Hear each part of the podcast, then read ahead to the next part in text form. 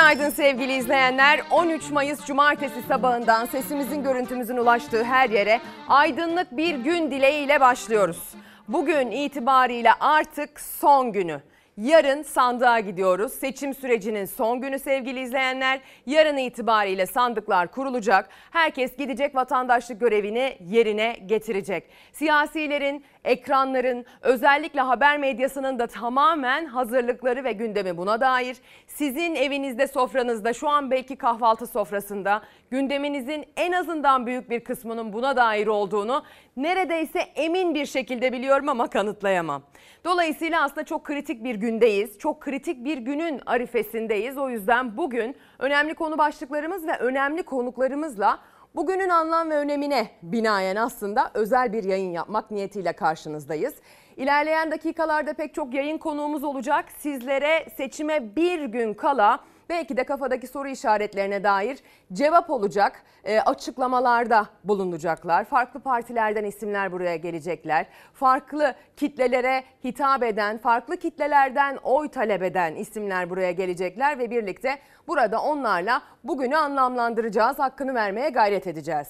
Sizler tabii ki e, bu seçime giden yolda, bu seçim sürecinde biraz geriliyorsunuz tahmin edebiliyorum. Çünkü ben de her ne kadar ekran karşısına geçip bu işi yapıyor olsam da bu ülkenin sade bir vatandaşıyım.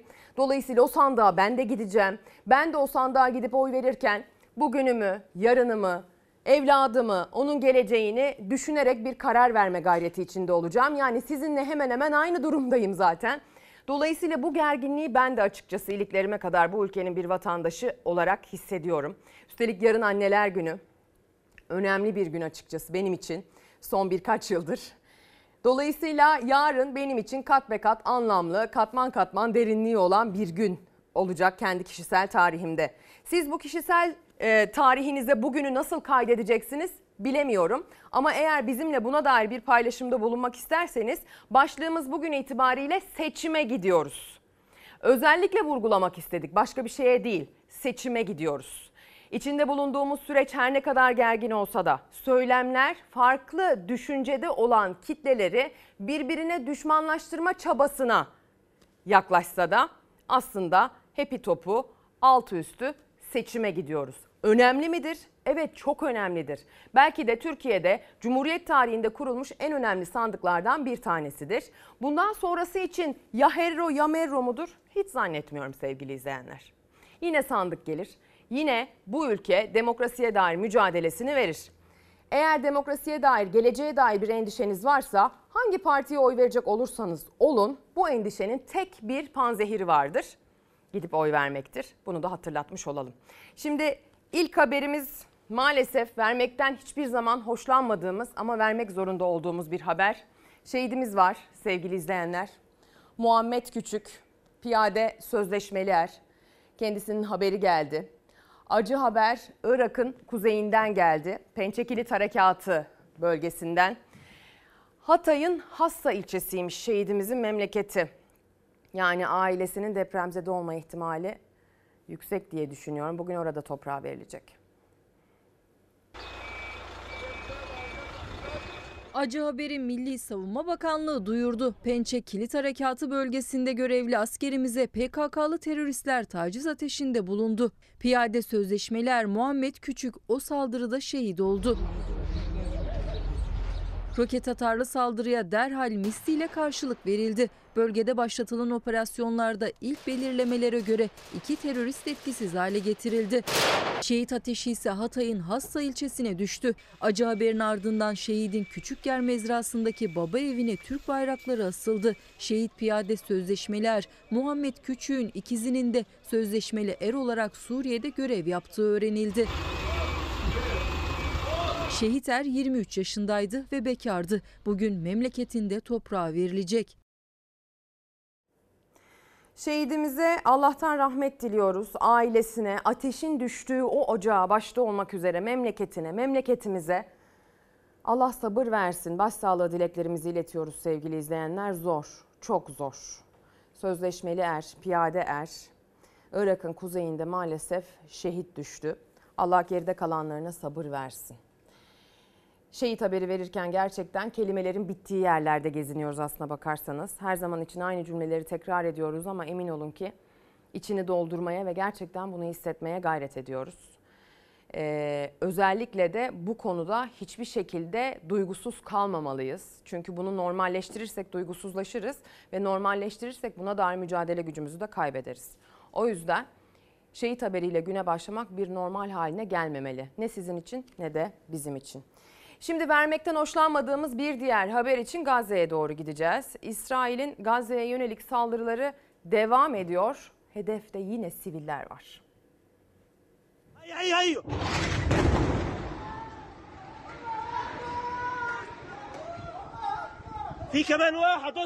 İsrail savaş uçakları Gazze'de sivilleri hedef aldı. İsrail'in Gazze'ye yönelik saldırılarında toplam ölü sayısı 33'e yükseldi.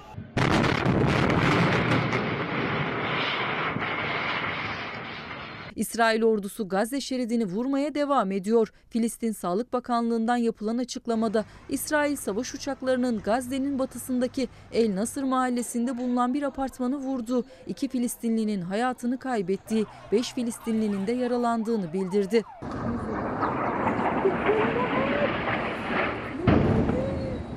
Yerel kaynaklara göre İsrail'e ait savaş uçakları 4 evi daha hedef aldı. Evlerin vurulduğu anlar amatör kameralara yansıdı. İsrail'in Gazze şeridine yönelik saldırılarında şu ana kadar 33 kişi hayatını kaybetti. Yaralananların sayısı ise 111'e yükseldi.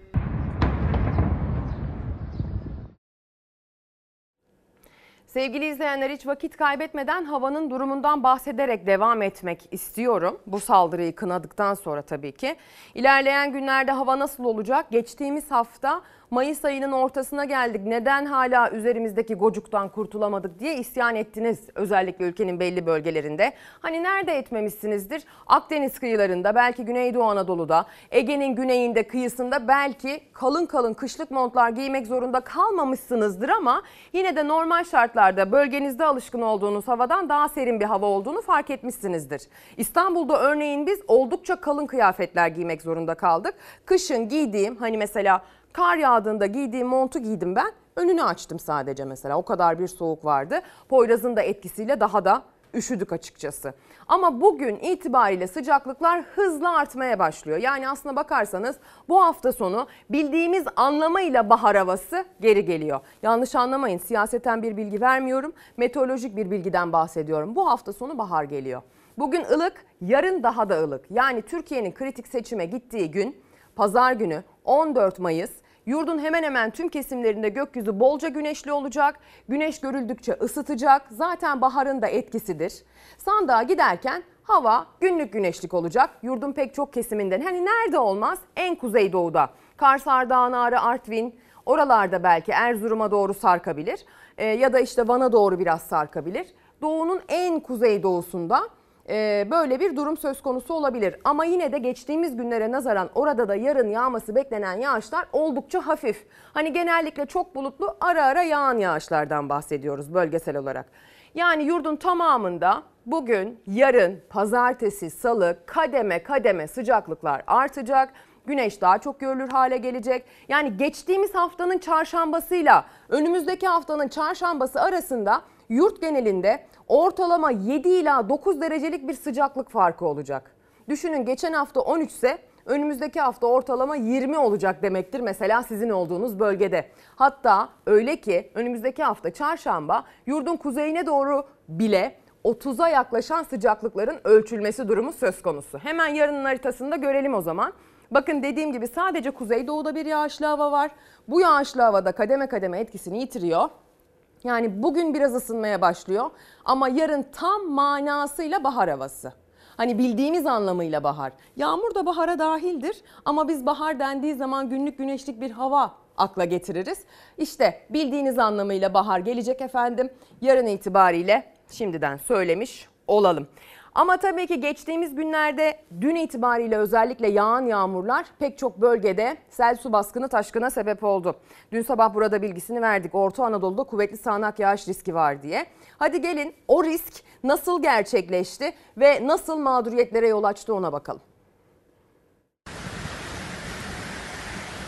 Allahu Ekber. Yol çöktü, alt geçitleri, sokakları, caddeleri su bastı. Başkentte etkili olan sağanak ve dolu sürücülere ve yayalara zor anlar yaşattı. Ankara'nın Sincan, Etimeskut, Yeni Mahalle ve Çankaya ilçelerinde etkili olan sağanak yağmur sele neden oldu. Ankara Büyükşehir Belediye Başkanı Mansur Yavaş gece sosyal medya hesabından düşen yağış miktarını paylaştı. İhbarlara müdahale ediliyor dedi. İhbarların yoğunlukta olduğu noktalar alt geçitlerdi. Sürücüler suya gömülen araçlarında kurtarılmayı bekledi. Çöp poşeti, çöp poşeti. Şemsiyeyi al gel çabucak koşarak gel. Çayyolu metro istasyonunda seferler durdu. Eskişehir yolunda biriken sular nedeniyle de trafik durma noktasına geldi. Sağanak nedeniyle Çayyolu Angora Bulvarı'nda da otoyolda çökme meydana geldi. Çöken yola seyir halindeki bir otomobil düştü. Çukura düşen otomobilin sürücüsü çevredekiler tarafından kurtarıldı. Hafif yaralanan sürücü hastaneye kaldırıldı. Afyonkarahisar'da da yağmur sel oldu. Uzun Çarşı ve Bedesten Çarşısı'ndaki birçok dükkan ve iş yerini su bastı. Atatürk alt geçidinde çok sayıda araç mahsur kaldı. Şanlıurfa Ceylanpınar'da yağmurla birlikte çamur, Malatya'da dolu yağdı. Sivas Gemerek'te tarım arazilerini su bastı. Denizli'de aşırı yağış nedeniyle bir okulun ve binaların istinat duvarları çöktü. Ekili araziler balçağa döndü. Bugün yağışlar doğuya çekilecek. Yurtta batıdan doğuya sıcaklık artacak. Hafta boyunca üşüten hava hafta sonu ısınacak. Pazar günü yurdun en doğusunda etkili olan yağışlar da zayıflayacak. Yurdun hemen hemen tüm kesimlerinde gökyüzü güneşli, hava ılık olacak. Yeni haftanın havası bu haftaya göre 7 ila 9 derece daha sıcak olacak. Bu hafta üşüten hava haftaya gün ortasında terletecek kadar ısıtacak. Gördüğünüz gibi sevgili izleyenler havanın açması durumu söz konusu ama tabii ki başkent Ankara başta olmak üzere görmek istemediğimiz bir takım mağduriyetlere de yol açtı. Kuvvetli sağanaklar özellikle şehirlerimizin buna hazırlıklı olması lazım. Hadi gelin seçime bir gün kala o kritik günün arifesinde gazeteler ne manşetler atmışlar. Hürriyet gazetesi 7 adımda oy rehberi diye bir manşetle çıkıyor. Türkiye yarın sandığa gidecek. 60 milyon 697 bin 843 seçmen oy kullanacak. Seçmenlerin oylarını nasıl kullanacağını 7 adımda anlattık. Sandığın yerini öğrenin. Yani sandığa gitmeden önce nerede oy vereceğinizi öğrenin. YSK'nın internet sitesinden, E-Devlet'ten veya seçmen sorgulama uygulamasından öğrenebilirsiniz. Oy kullanma saatlerine dikkat edin. 2. Sandığa gittiğinizde kimlik kartınızı sandık görevlisine verin. Size mühürlenmiş oy zarfı, arkası mühürlü iki oy pusulası ve mühür verecek. Pusulada işaret ve çizik olmaması gerekiyor. Oy zarfının ve iki pusulanın arkasının mühürlü olmasına dikkat çekiyor Hürriyet. Mühürü taşırmayın. Kabine girdikten sonra mührü tercih ettiğiniz Cumhurbaşkanı adayına, partiye veya bağımsız adaya basın. Mührün taşmamasına dikkat edin. Pusulayı katlayıp zarfa koyun, zarfı kapatın. 4. Kabinde oyunuzu verdikten sonra zarfla birlikte dışarı çıkın. İçinde oyunuzun bulunduğu zarfı sandığa kendiniz atın. Zarfı başkasına teslim etmeyin. Sandığa atması için görevlilere vermeyin. 5. Oyunuzu kullandıktan sonra seçmen listesinde isminizin karşısına imzanızı atın. İmza atmayı bilmeyenler parmak basabilir. Daha sonra sandık görevlisine verdiğiniz kimliğinizi geri alın. 6. Bütün bu işlemler bittikten sonra size ait olan seçmen bilgi kağıdının arka yüzünü sandık kurulu başkanına imzalatın ve mühürletin deniyor. Ceple girmek yasak. Bakın 7. Bu önemli. Sosyal medyada özellikle gençler bu konuda sıkıntılı olduğuna dair bir takım paylaşımlar yapıyorlar. Cep telefonu, fotoğraf makinesi gibi cihazlarla oy verme kabinine girmeyin. Yasak ve cezası var. Yanınızda bu tür cihazlar varsa sandık görevlilerine bırakın deniyor. Ben geçtiğimiz hafta içerisinde çok rastladım. Özellikle anne babasının şu partiye oy vereceksin dediği gençler ben işte anne babam benden e, içeri girip video çekmemi istiyor. Hani mühür vurduğum ana dair video çekmemi istiyor şeklinde e, paylaşımlar yaptılar. Tabii iddiadır. Sosyal medya paylaşımı olduğu için, şahsi paylaşımlar olduğu için e, çok teyide muhtaç da bir bilgidir. Ama ben bundan hiç görmediysem 10 tane gördüm. Hatta buna dair anne babayı nasıl atlatırız çözümleri sunan videolar da gördüm gençlerin paylaştığı. Hatta bir tanesi diyordu ki siz bu meseleyi çok e, ciddiye almıyorsunuz ama böyle çok fazla insan var diyordu yaptığı paylaşımda. O yüzden şunun altını çizmekte fayda var. 7 numara. O kabine fotoğraf veya video kaydı yapabilen herhangi bir cihazla girmek yasak. Cep telefonlarını teslim edersiniz o ma- masa başında oturan görevlilere. Eğer cep telefonlarının teslim edilmediğini görüyorsanız da belki bu konuda nazikçe bir uyarı yapabilirsiniz. Cep telefonlarını almanız gerekmiyor mu şeklinde. Tabii ki yarın itibariyle davranış belirlemek açısından özellikle nezakete tutunmamız gerektiğini de hatırlatmak isterim. Cumhuriyet Gazetesi Gemiyi terk etti. Soğukta, sokakta kalan, depremzedeye çadır satan, yardımları geç ulaştıran Kızılay Başkanı Kerem Kınık. Erdoğan yaşananlar için üzüldüm dedikten sonra görevi bıraktı. Erdoğan 27 Şubat'ta Kınık olayı için dal kavuklara asla kulak asmayın demişti diyor. Erdoğan'ın önceki sözleri, üzüldüm dediği son sözleri, Kınık'ın istifa etmesi, bu istifanın derde derman olup olmayacağı. Hadi izleyelim. Bir felaket gününde nasıl olur da Cumhuriyette yaşıt olan bir kurum Kızılay çadır ticareti yapar? Bu konu tabii beni de ciddi manada üzmüştür. Kızılay böyle bir çadır satma fiiline, işine giremez. Sanki uzun yıllardır Avrupa'da falan yaşıyormuş da dışarıdan tespit edip üzülmüş. Kızılay Başkanı'na yönelik eleştirilere sert çıkmış, Kerem Kınık'ı savunmuş Erdoğan. 3 ay sonra tam da seçim öncesi üzüldüm dedi. Erdoğan'ın açıklamasından sonra seçime 2 gün kala Kerem Kınık Kızılay Başkanlığından istifa etti. 2050 e, çadırımız e, Ahbaba maliyet e, fiyatıyla teslim edilmiş. 11 ili vuran on binlerce insanın hayatını kaybettiği depremde on binlerce insan enkaz altındayken yüz binlercesi evsiz dışarıda kalırken barınacak yer ararken Kızılay elindeki çadırların bir bölümünü deprem bölgesine göndermek yerine sivil toplum kuruluşlarına sattı. Kızılay Başkanı o satış için ahlaki ve akılcı dedi. Orası rant alanı, rantın bölüştüğü alan değildir orası. Terbiyesiz terbiyesizliğini bırakmaz. İşte çıkmış bir tanesi Kızılay nerede diyor.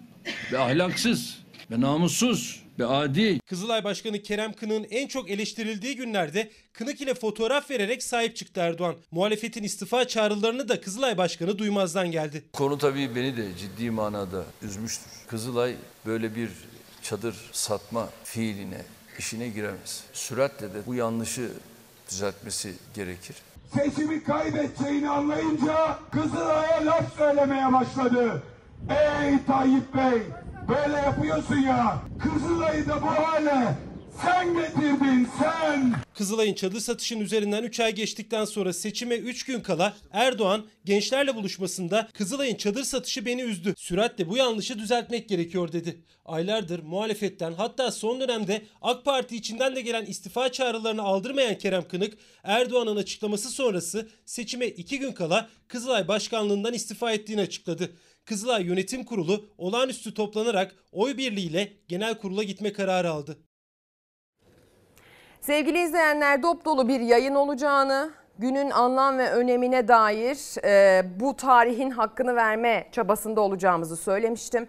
İlk konuğumuz stüdyomuza ulaştı. E, tabii ki kendisine bu Kızılay meselesini de sormak isterim ama önce bir hoş geldiniz diyeyim, günaydın diyeyim. Hoş bulduk Cumhuriyet Halk Partisi Ekonomi Kalkınma Politikaları Genel Başkan Baş Danışmanı Doktor Doktor Tamer Saka konuğumuz. Nasılsınız? Sağ olun. Sizler nasılsınız? İyi olmaya çalışıyoruz. Ee, olabildiğince sükun, sakin bir şekilde seçime gitme gayreti içerisindeyiz. Tarihi, tarihi günlerden geçiyoruz. Evet bayramlıklarımızı giyeceğiz. Bir demokrasi şenliği şeklinde sandığa gideceğiz.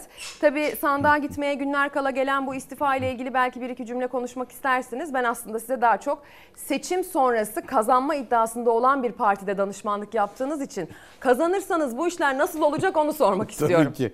Yani Kızılay meselesi geç kalınmış bir mesele ama doğru bir adım. Ee, umuyorum bu tip mekanizmalar daha etkin çalışacak önümüzdeki dönemde. Yanlış yapan, hata yapan, sorumluluk sahibi makamda oturanlar e, bunların da maliyetine katlanması lazım. E, dediğim gibi doğru bir adım. Geç de olsa doğru bir adım. Yani 99 depreminden aklımızda kalan Veli Göçer diye belki de sırf soyadı Göçer oldu da çok dikkat çekti diye mi Olabilir. oldu o da belli de değil.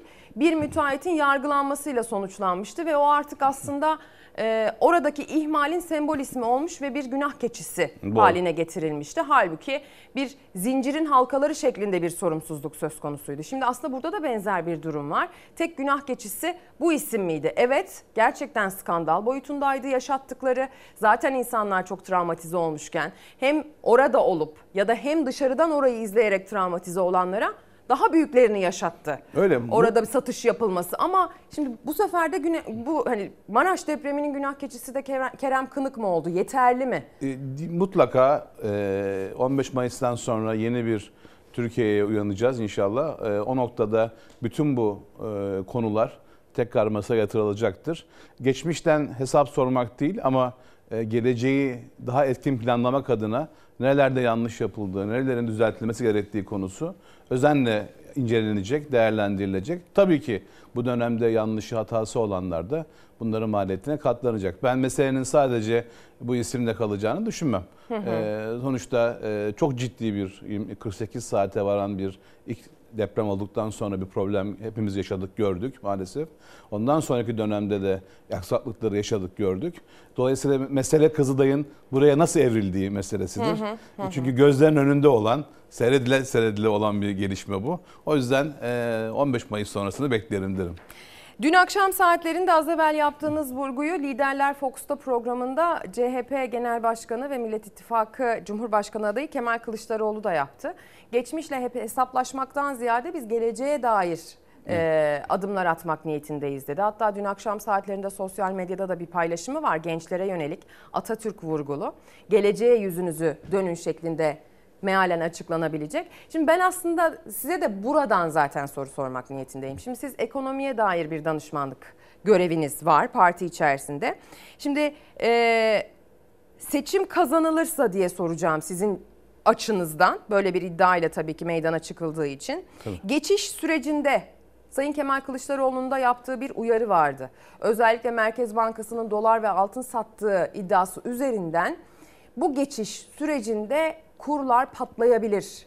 Buna dair büyük sıkıntılar yaşanabilir ama hani farkındayız ve ne yapacağımızı biliyoruz demişti. Ne yapacaksınız? Doğru. Şimdi tabii ki yetkiyi almadan e, faaliyette bulunmak mümkün değil. Sonuçta da mazbatayın alınması ve sorumluların e, o koltuklara oturması lazım aksiyonları yönetmek adına. Ama şu gerçeği gördük. E, özellikle Sayın İnce'nin e, çekilme kararından sonra piyasalar etkisinde esasında 15 Mayıs'tan sonra neler olacağını bir kısa provasını gördük. Malumunuz borsada çok ciddi bir e, artı değer or- ortaya çıktı. Türkiye'nin risk primlerinde önemli bir düşüş gördük. E, sadece o hareketle. 15 Mayıs'tan sonra eğer Millet İttifakı e, çoğunlukla e, iktidar ele aldıktan sonra e, biz zaten piyasanın önemli bir krediyle başlayacağını düşünüyoruz. Yani Millet İttifakı krediyle başlayacak. Dolayısıyla bu ortaya çıkacak olan tablo ee, ki Sayın Genel Başkan da onu ifade etti. Bizim temel adımlarımızı atmadan önce bir hasar tespit çalışması yapacağız. Yani bir komisyon hasar tespit çalışması yapacak. Dolayısıyla bu çalışmanın yapılacak olması, liyakatli kadroların şu anda öne çıkmış olması, e, burada yanımda var taşıyorum sürekli 2400 maddeden oluşan bizim ortak politikalar mütabakat metninde adım adım neler yapılacağının yazılıyor olması bütün bunlar piyasalara önemli bir güven e, veriyor. Zaten bugün yaşadığımız sıkıntının temelinde güvensizlik var. İç piyasalar ve dış piyasalar şu anda ekonomi yönetimine maalesef güvenmiyor. Yarın nasıl adım atılacağını göremiyorlar. Dolayısıyla e, bu güvenin oluşmuş oluşmakta olduğunu görüyoruz ki zaten yani e, piyasanın verdiği reaksiyonlardan bunu anlamak mümkün. E, ben e, piyasanın 15 Mayıs'tan sonra inşallah 14 Mayıs akşamı sonuçları aldıktan sonra 15 Mayıs sabahında bu güven ve krediyle açılacağını düşünüyorum. Çok büyük dalgalanmalar olacağını düşünmüyorum. E, ama olsa dahi dalgalanmalar günün sonunda e, bu liyakatli kadroların e, iş başına geçtiği an itibariyle atılacak adımlar e, bu noktada belli. E, ben e, halkımızın panik yapmamasını, vatandaşlarımızın bir panikle hareket etmemesini, e, sükunetle şu önümüzdeki geçiş sürecini e, beklemelerini de onlara önemli tavsiye ederim. Yani pozisyon değiştirmeden e, bu e, süreci geçirmemiz lazım. önümüzdeki Ekonomik süreci. olarak Evet. yatırım e, tavsiyesi midir bu? Yatırım değil, bekleme. Bekleme. Yani pozisyon neyse bugün o Yatırım pozisyonu bozmamak. değildir diye vurgulamamız Tabii ki, lazım o tabii zaman. ki, bir tabii ki. bekleme sürecinde Evet. olmamız gerektiğini söylüyorsunuz. Tamam. Ee, dün akşam saatlerinde yine Kemal Kılıçdaroğlu Liderler Fox'ta programında ekonomiye dair özelleştirilmiş bölgelerden bahsetti. Özellikle yurdun doğusuna, kuzey doğusuna, güney doğusuna yönelik etle ilgili ya da otomotivle ilgili oranın coğrafi avantajlarını da anlatarak bir takım e, bölgeye özel kalkınma hedefleri yani bölgesel farklılaştırılmış kalkınma hedefleri olacak dedi. Doğru. Bu biraz Almanya'nın modeline benziyor gibi geldi bana. Orada da hani her şehirde farklı bir sanayinin merkezi haline gelme durumu vardır ya. Evet. Bizde de mi böyle bir şey olacak? Yani Tür- Türkiye'nin temel sorunu ki bunu deprem riskinde de yaşıyoruz. Mesela İstanbul depremini, olası depremini konuşurken e, İstanbul'un yaratacağı etkinin ne kadar büyük olduğundan bahsediyoruz. 500 milyar dolarlık bir etkiden, ekonomik etkiden bahsediyoruz. Can kayıplarının yanı sıra. Şimdi e, bunun temel problemi çok uzun bir süredir Türkiye'nin e, üretim e, alanı batı oldu. Yani Türkiye'nin Orta Anadolu ve Doğu Anadolu'su e, maalesef arzu ettiğimiz hızda gelişemedi. Bunun farklı sebepleri var ama biz hep konuşulur mesela cazibe merkezleri oluşturamadık Evet. Türkiye'nin bünyesinde. İstanbul'a göçten bahsederken Mesela fabrika yapıyoruz, teşvik var. O, o bölgede teşvikler verildi. Herkes Marmara'ya yığıldı. bölgesel teşvikler de var. Ama teşviki yapıp da oraya fabrikayı kurduğunuz zaman beyaz yakayı çekemiyorsunuz. Yani mühendis çekemiyorsunuz, çalışanları götüremiyorsunuz. Çünkü aile yaşantısı, okul, sosyal çevre bunlar da oluşmadı. Dolayısıyla burada esasında topyekun bir sanayi dönüşümünden bahsediyor Sayın Genel Başkan. Bir e, hem mevcut endüstriyel yapılarımızın bu noktada evrilmesi, transform olması hem de yeni yapılacak olan yatırımların da Türkiye'nin tüm e, coğrafyasına yayılması. Ama bunun için de belli sizin de söylediğiniz gibi özel e, merkezler bu noktada özel ekonomi bölgelerinin oluşturulması son derece önemli. Üretim üslerinin oluşması önemli. Bunlar uzmanlık alanlarına göre Türkiye'ye yaygınlaşacak. Tabii bunları da nihai kararlarını vermeden önce yine Sayın Genel Başkan ifade ettiği üzere bir stratejik planlama fonksiyonu oluşacak. Bugün eskiden bizim DPT olarak bildiğimiz. Fonksiyon yerine getirilmiyor. Yani devletin bir planlama, Teşkilat. strateji oluşturma fonksiyonu kayboldu. Dolayısıyla bu hızla bu e, birimi kurup hızla bu e, çalışmayı yaptıktan sonra da e, nihai noktada Türkiye'nin genelindeki bu büyüme hamlesini de e, hayata geçiriyor olacağız. Ben hani izleyenlere bilen bilmeyen bir not düşmek isterim. Mesela dün akşam itibariyle bahsettiği yurdun kuzeydoğusu ile ilgili işte Kars'ı, Iğdır'ı içine alacak şekilde oradaki pek çok ili Ağrı'yı içine alacak şekilde bir et e, üretiminden ve buradan Evet. yurt dışına et dağıtımından e, bahsetti. Erzurum'u da vurguladı. Mesela yurdun güneydoğusu için dedi ki Süveyş kanalına olan yakınlık kullanılacak. Burada otomotive dair bir takım yatırımlar Evet, yapılacak. o Samandıra'dan Mersin'e kadar, o Samandağ'dan Mersin'e kadar olan bölgede çok ciddi bir yatırım Hı hı. e, şeyi var. Deprem e, bölgesiyle ilgili orada depremzedelerin konutları inşa edilirken bunu daha öncesinde söylediğinde Evet, şahitlik inşaat etmiştim. malzemeleri üssü, İnşaat evet. malzemeleri üssü o- oluşacak orada. Hem kendi yaralarını saracaklar hem de bu konuda uzmanlaşan bir bölgeye dönüşecek orası şeklinde. Başka böyle ekleyebileceğimiz listeye bölgeler var mı? Var. Türkiye hatta Türkiye geneline baktığınız zaman Türkiye genelinde 5 tane tarım ve hayvancılık e, özel ekonomi bölgesi düşünülmekte. 2 tane petrokimya e, yine aynı bölgede Adana bölgesi ve e, bahsettiğiniz bölgede. iki de sanayi bölgesi. Dolayısıyla toplam 9 tane bu tip Türkiye'nin e, coğrafyasını, haritasını önünüze aldığınız zaman Türkiye'ye yaygın bir Gözümün şeyden önüne, bahsediyoruz. e, Ve 50 tane de üretim üssü bunlara bağlı. Atatürk'ün kurduğu fabrikaların Türkiye haritasındaki dağılımı geldi bir an gözümün, gözümün önüne. Ee, böyle hani çok güzel dağıtılmış bir şekilde işte şeker fabrikası, kağıt, kağıt fabrikası şeklinde dağılım vardır. Ee, ona benzer bir dağılım gözümde canlandı şu an Yani itibariyle. Burada, burada önemli olan bence mesaj şudur. E, Türkiye çok çok uzun bir zamandır sanayide arzu ettiği, yapmak istediği o büyük dönüşüm yap- yapamadı. Bu plan esasında e, bu, bu hükümetin e, sanayiye bak, nasıl baktığını gösteren bir proje. Bunun daha da ötesinde planlar yapacağız. Bunun daha da ötesinde esasında bir dönüşümü biz tetikliyor olacağız. Sonuçta hedefimiz ne? Hedefimiz Türkiye'nin bölgede gerçekten katma değerli bir üretim üssü haline geliyor olması. Bu uzun erimli bir proje, plan Orta, proje orta ve uzun vadeli ama kısa vadede de elde edeceğimiz şeyler var, fırsatlar var. Bakın dünya çok ciddi bir dönüşümden geçiyor. Ee, Bugün Amerika ile Çin hani uzun bir süredir Amerika'nın tek kutuplu e, yönetim anlayışından dünyada bir Çin'in de dahil olduğu çift kutuplu bir yapıya doğru gidiyoruz. Dolayısıyla eskiden Çin'in aldığı bu tedarik zincirlerindeki rolü artık Amerika sürdürmek istemiyor ve bunu başka coğrafyalara yaymak istiyor. Türkiye'de esasında bu yeni oluşan pastadan en çok pay alabilecek potansiyele sahip ülke. Ama bunun için altyapıyı yap, oluşturmamız lazım. Bunun için bu sanayi atılımını tetiklememiz lazım.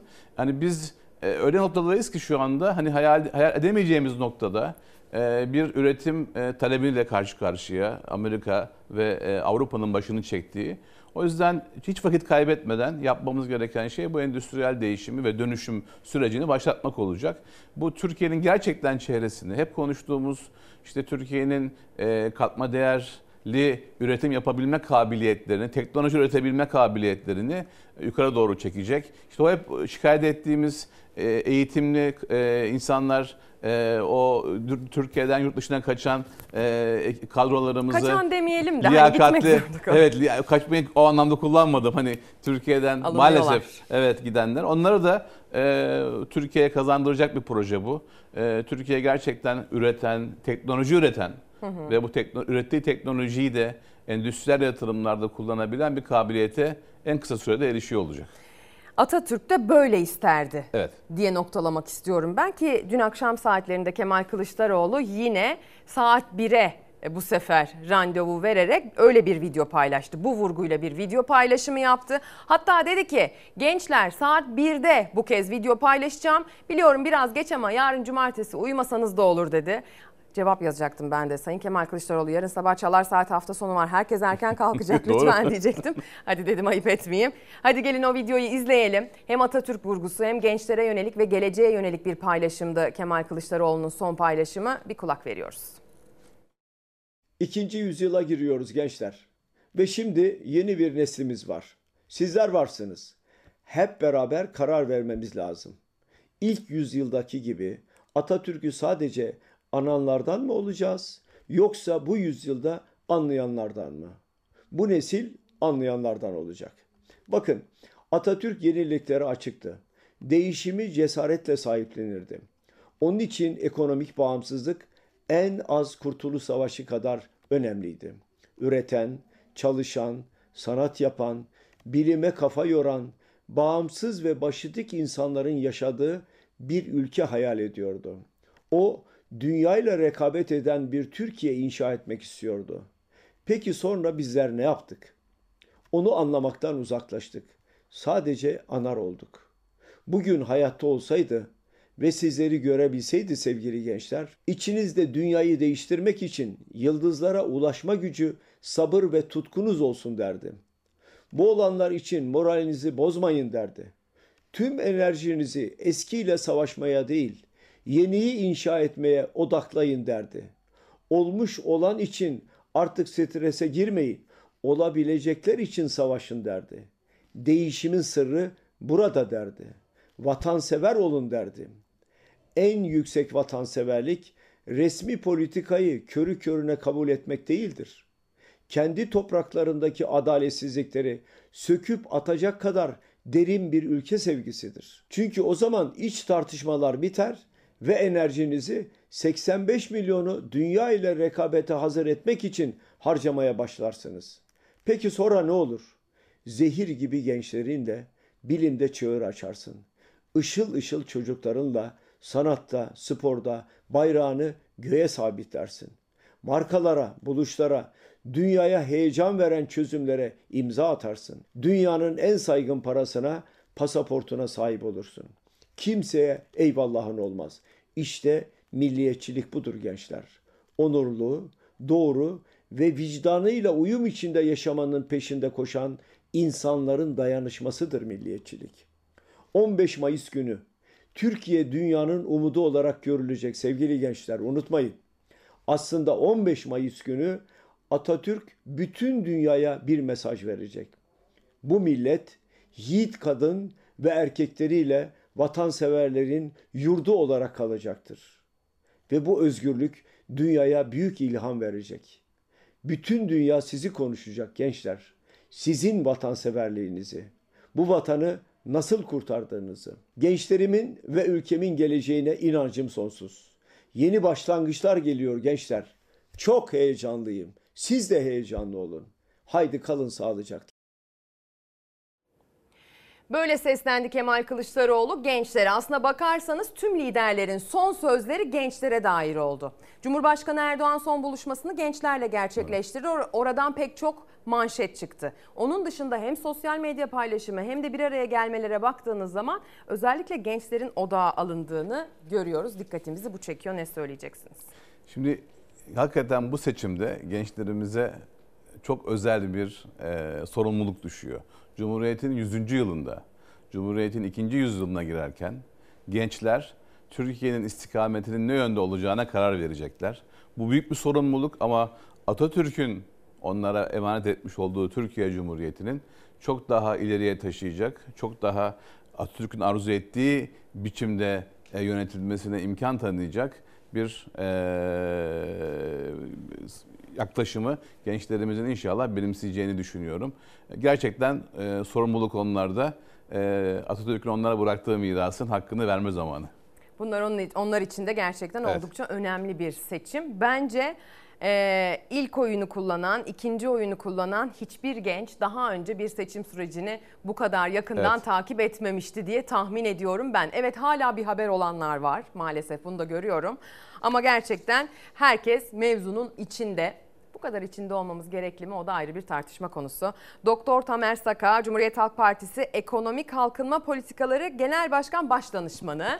Ee, aynı zamanda şunu da söyleyeyim, Türkiye Kurumsal Yönetim e, Derneği Yönetim Kurulu Başkanı. Evet. Ee, kendisi çok teşekkür ederiz kıymetli katkınız Sağ için. olun. Yarın Demokrasi Bayramı. Şimdiden bayramınızı kutluyorum. Çok Ben de teşekkür aynı ediyorum. şekilde. Hayırlı uğurlu olsun. Sağ olun. Şimdi sevgili izleyenler e, bu seçim sürecinin bileşenlerinin gündemini tutmaya devam edeceğiz ve sonrasında yine önemli bir konuğumuz bizimle birlikte olacak. Biliyorsunuz Cumhurbaşkanlığı yarışının 3. adayı Ata İttifakı Cumhurbaşkanı adayı Sinan Oğan. Kendisi Muharrem İnce'nin çekilmesinden sonra gözlerin çevrildiği bir isim oldu ancak çok net bir açıklama yaptı bu konuya dair. Aynı zamanda seçime giden yolda İçişleri Bakanlığı'nın bir takım askeri araçları talep ettiğine yönelik gerek görülmesi halinde kullanılması için hazır bulundurulmasını istediğine yönelik sözleri de çok dikkat çekti. Bakanların seçim turu devam etti. Çevre ve Şehircilik Bakanı Murat Kurum da İstanbul Ticaret Odası toplantısında siyaset yapmayın tepkisi aldı. birilerinin yedek adayı falan değilim yani ben iddialı bir adayım. Sayın Erdoğan ve Sayın Kılıçdaroğlu e, bizim çekilmemizi falan beklemesinler. Ata İttifakı Cumhurbaşkanı adayı Sinan Oğan net konuştu. Muharrem İnce'nin Cumhurbaşkanlığı adaylığından çekilmesinin ardından gözlerin çevrildiği o an Fatih Altaylı'nın konuğu oldu. İnce'nin ise itibar suikastine uğradığını söyledi. Adaylıktan çekileceği yönündeki iddialara cevap verdi. Biz bırakın çekilmeyi bu e, ikinci tur için iddiamızı sürdürüyoruz. Cumhurbaşkanı adaylarının her birisinin kendi tabanına, seçmen tabanına açıktan çağrıda bulunması lazım.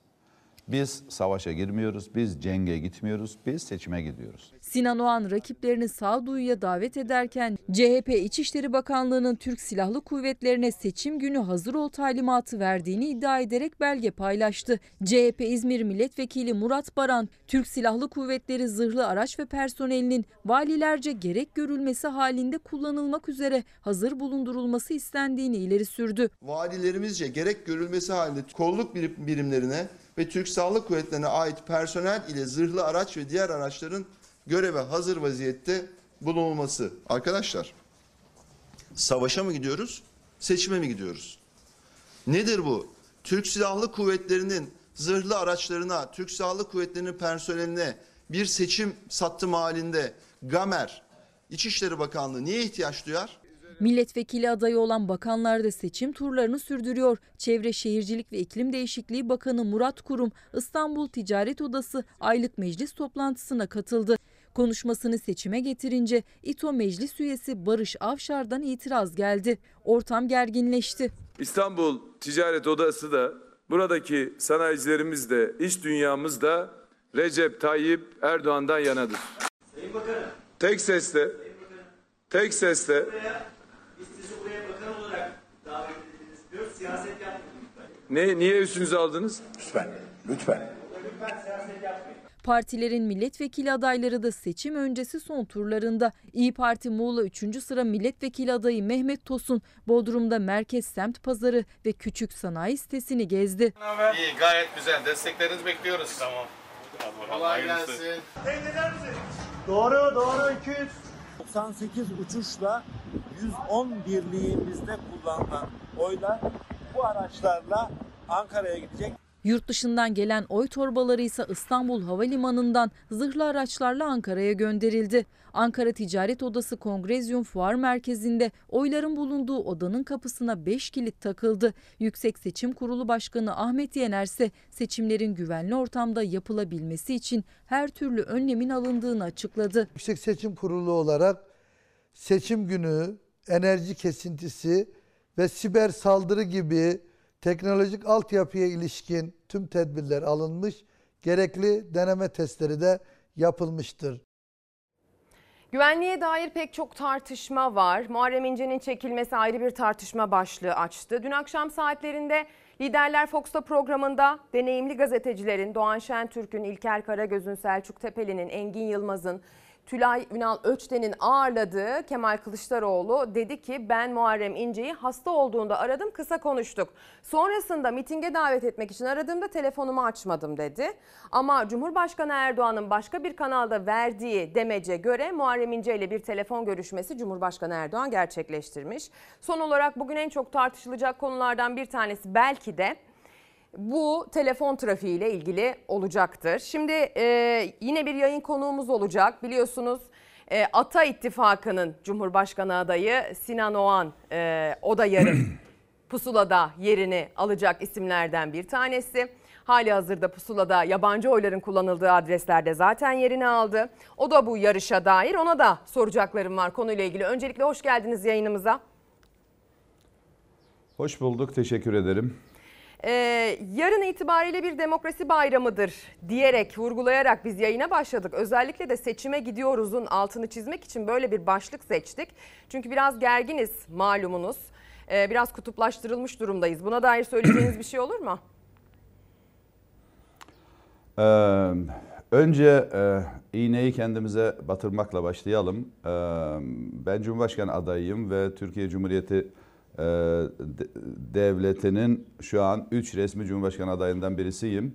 Ben isterdim ki Fox TV, ha, Fox TV'nin hakkını vereyim. Bize her zaman e, ekranlarında yer vermiştir. Allah razı olsun ama e, şu konuda haksızlık yapmıştır. Dün akşam Sayın Kılıçdaroğlu bir adaydır, onu almıştır. Bizi bu sabah 15 dakikayla geçiştirmek için yayına almıştır. Bunu yanlış bulduğumu ifade ederek e, yayına başlayayım. Buyurun şimdi sorularınızı alayım. Sinan Bey, e, üçüncü kez bu ekranda kendinize yer buluyorsunuz seçim öncesinde. Bunu öncelikle vurgulamak isterim. Bir tanesi Efendim- oy toplama, efendim, imza lütf- toplama lütfetmişsiniz. sürecinden önce. Tabii Evet. ki biz biz demokrasiye inanan bir Lütfetmişsiniz. e, ben sadece bakınız. açık. Bakınız. Bakınız Fox TV'yi ben her zaman hakkını teslim etmişimdir. Ancak e, eşitlik e, ilkesi şöyle bir şeydir. Yani e, bana üç defa yer verdiniz diye dün akşam yer vermemeniz bu eşitlik ilkesine aykırıdır. Yani eğer bir cumhurbaşkanı adayını akşam saat 9'da alıyorsanız öbürünü de akşam saat 9'da alacaksınız. Bir gün sonra alırsınız, bir gün önce alırsınız. Bu demokrasinin temel ilkelerinden bahsediyorum ben. Demokrasinin temel ilkesi bunu gerektirir. Öncesinde, sonrasında almanız bu, bu eşitlik ilkesini şey yapmaz. Bak ben Fox TV'ye her zaman diyorum sağ olsunlar zor zamanlarda kapılarını bize açtılar. Bunlar ayrı. Bu doğru, öbür yanlışı şey yapmaz, e, değiştirmez. Doğru her zaman doğrudur ve tektir. Ya yayın akışımızla ilgili ben burada bir açıklama yapma çabasına tabii ki girmeyeceğim. Bir de yıllardır var olan bir kanal Teşekkür olduğumuz ederim. için ben Evet. çok fazla cevap vermeyeceğim. Tabii Biraz ki. izleyicinin takdirine bırakmak istiyorum sizin bu yorumunuzu. Ben aslında Elbette. seçime gidiyoruzu vurgulayalım biraz gerildik diye başladım. Bu soruyla size başlamak istedim ama galiba siz de bayağı gerilmişsiniz. Haklısınız. Gerçekten önemli bir seçim Türkiye normaldir. tarihinde. Siz de pusulada yerinizi alacaksınız. Ee, biraz gerilmek normal evet. Şimdi gerilmek, gerilmek bizim gerilmemiz normaldir. Biz ne şartlarda e, seçime gidiyoruz biliyor musunuz? Sayın Kılıçdaroğlu için seçime girmek çok kolay. Sayın Kılıçdaroğlu e, 11 tane Büyükşehir Belediye Başkanı'nın e, imkanlarıyla seçime giriyor. Belediyenin imkanlarıyla seçime giriyor. Sayın Kılıçdaroğlu e, efendime söyleyeyim hazinenin vermiş olduğu yardımla seçime giriyor. E, Sayın Erdoğan 14 tane uçakla seçime giriyor. 70 81 tane valiyle seçime giriyor. E, Bir e, 973 kaymakamla, emniyet müdürüyle, MIT'le, ne bileyim ben havuzda biriken paralarla seçime giriyor. Bir de gelin Sinan Oğan'a sorun. Hangi zorluklarla seçime giriyor? Bir yandan ekranla mücadele ediyor. Ekrandan e, kendisini göstermeye çalışıyor. Bir yandan sokaklarda e, uçaklara binemediğimiz için otobüslerle, e, araçlarla oradan oraya koştur koştur. Ben her gece 2 saat uykuyla seçime giriyorum. Sinan Oğan gergin olmasında kim gergin olsun? Allah aşkına. Bütün bunlara rağmen, bütün bunlara rağmen en sakin seçim propagandasını Sinan Oğan yürüttü. E, Hiçbir adaya saldırmadı. Hiçbir adayla ilgili kara propaganda çalışmasına girişmedi. Sinan Oğan o kadar nezaketli bir seçim e, çalışması sürdürdü ki örnek vereyim. İyi Parti'nin genel merkezinin önünden geçerken otobüs müzik çaldı e, çalarken oraya yaklaştığımızda talimat verdim. Hemen müzikleri kapatın. Bir partinin genel merkezinin önünden geçiyoruz dedim. Ondan sonra geçtik. Sonra yeniden müziği açtırdım. Ben bu kadar nezaketli bir seçim kampanyası sürdürürken örneğin Sayın Kılıçdaroğlu çok nazik bir insandır. Ama Sayın Kılıçdaroğlu'nun haberi var mıdır bilmiyorum. Yoksa da buradan haberdar edeyim.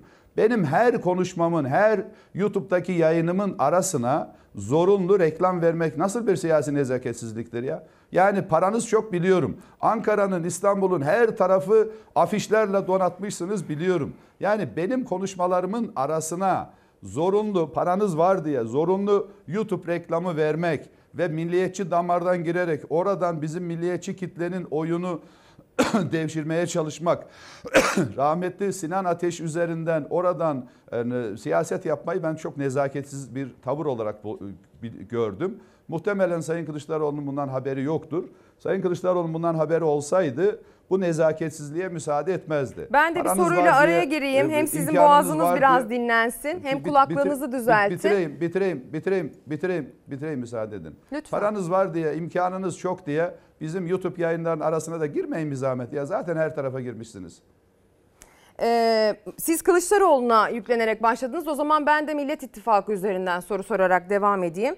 Bir Millet İttifakı var. Hanımefendi Şu anda Kılıçdaroğlu'na yüklenerek başlamadım. Hayır. Benim iki tane rakibim var. Biri Erdoğan'dır, biri Kılıçdaroğlu. başladınız Benim diye o yüzden dedim Sinan Bey Erdoğan'la bana kızmayın. Sonrasında diğerlerini de konuşacağız. Yani lütfen Tamam. rica ediyorum.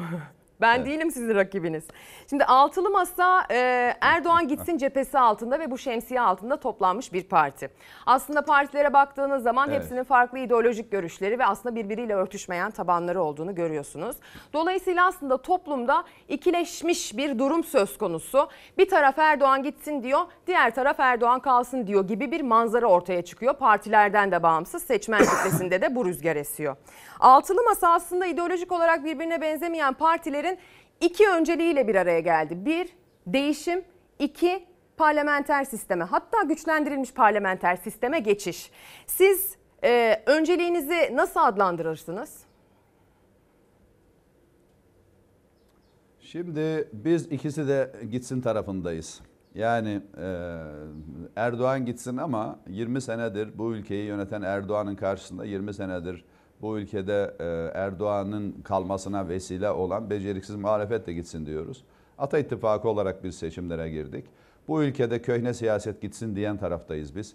Artık bu ülkenin e, yeni yüzlere, yeni siyasete, yeni söyleme ihtiyacı var e, diyen taraftayız.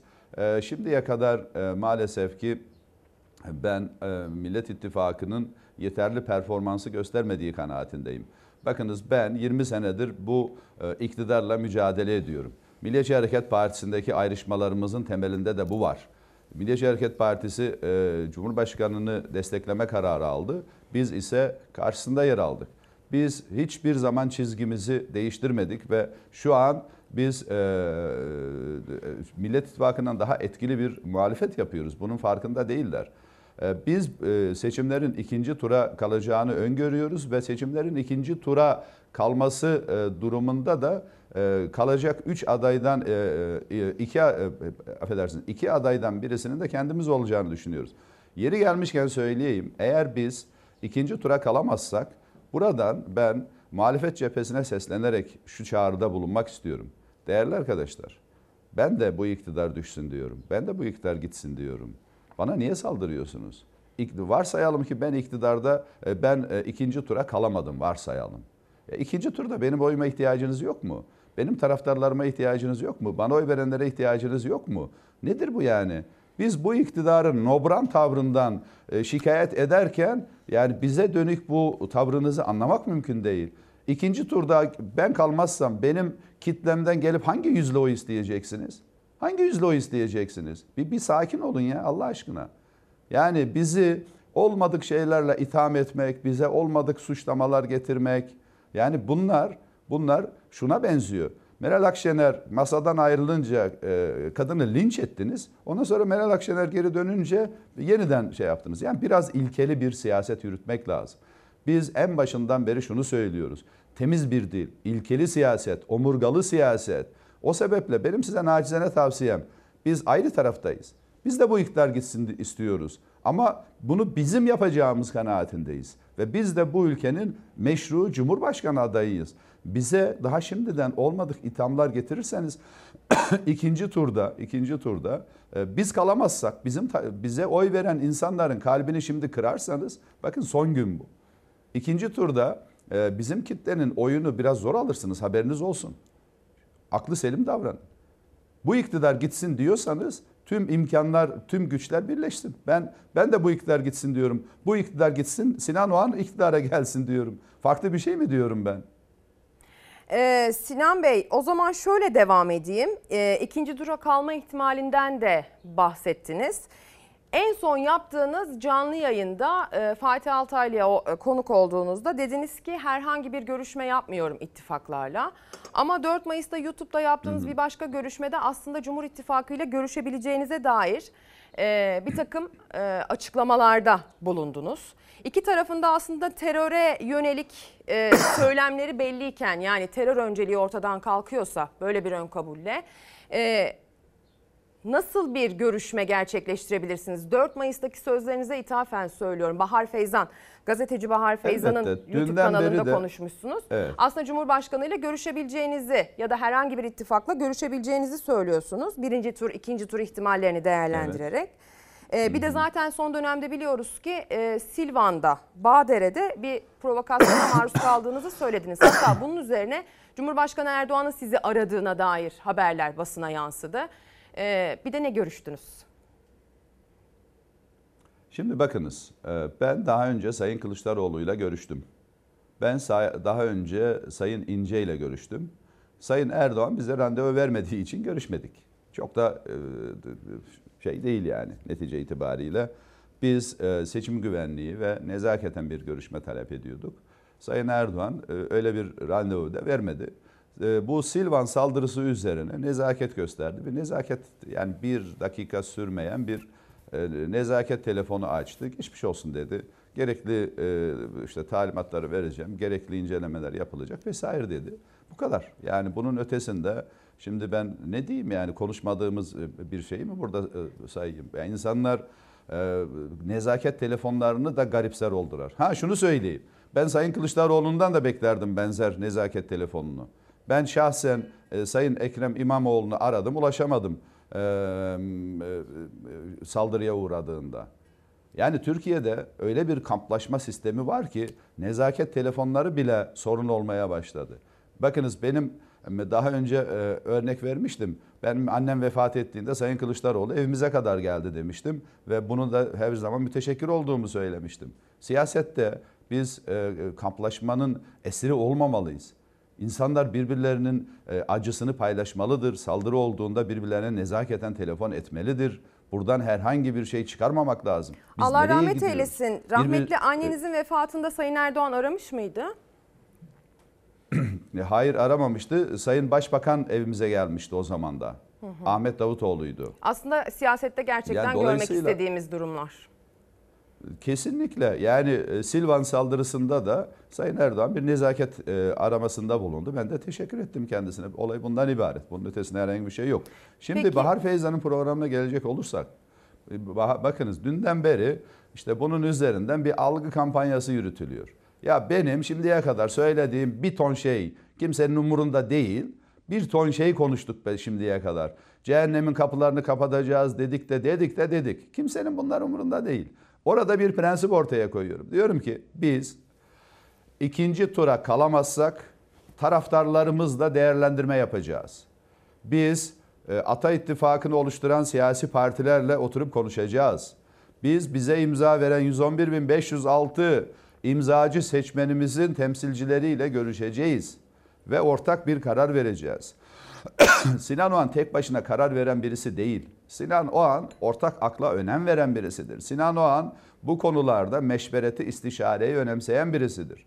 Ve burada biz şunu yapabiliriz. Ben çok açık konuşuyorum. Sinan Oğan'ın konuşmalarında zerre yalpalama yoktur. Sinan Oğan'ın e, geçmiş çizgisinde zerre yalpalama yoktur. Kimse benim konuşmalarımı sağa sola çekmesin. Buradan aha da böyle alnına alnına söylüyorum ben. Biz bu iktidar gitsin isteyen tarafız. Sizi bilmem. Ama biz 20 senedir dümdüz bir çizgiyle mücadele ediyoruz. Sinan Oğan Iğdır'da aday oldu ve bu iktidarı Iğdır'da yendi. E siz 13 seçimdir yeniliyorsunuz hala gelmiş e, Sinan Oğan'a laf atıyorsunuz. Onun için onun için ben diyorum ki Bahar Feyzan'da da aynısını söyledim. Biz taraftarlarımızla oturup konuşacağız. Terörle mücadele konusunda bizim hassasiyetimiz var. Ve ikinci turda üç tane adayız. İki tane ikinci tura kalacak insan var.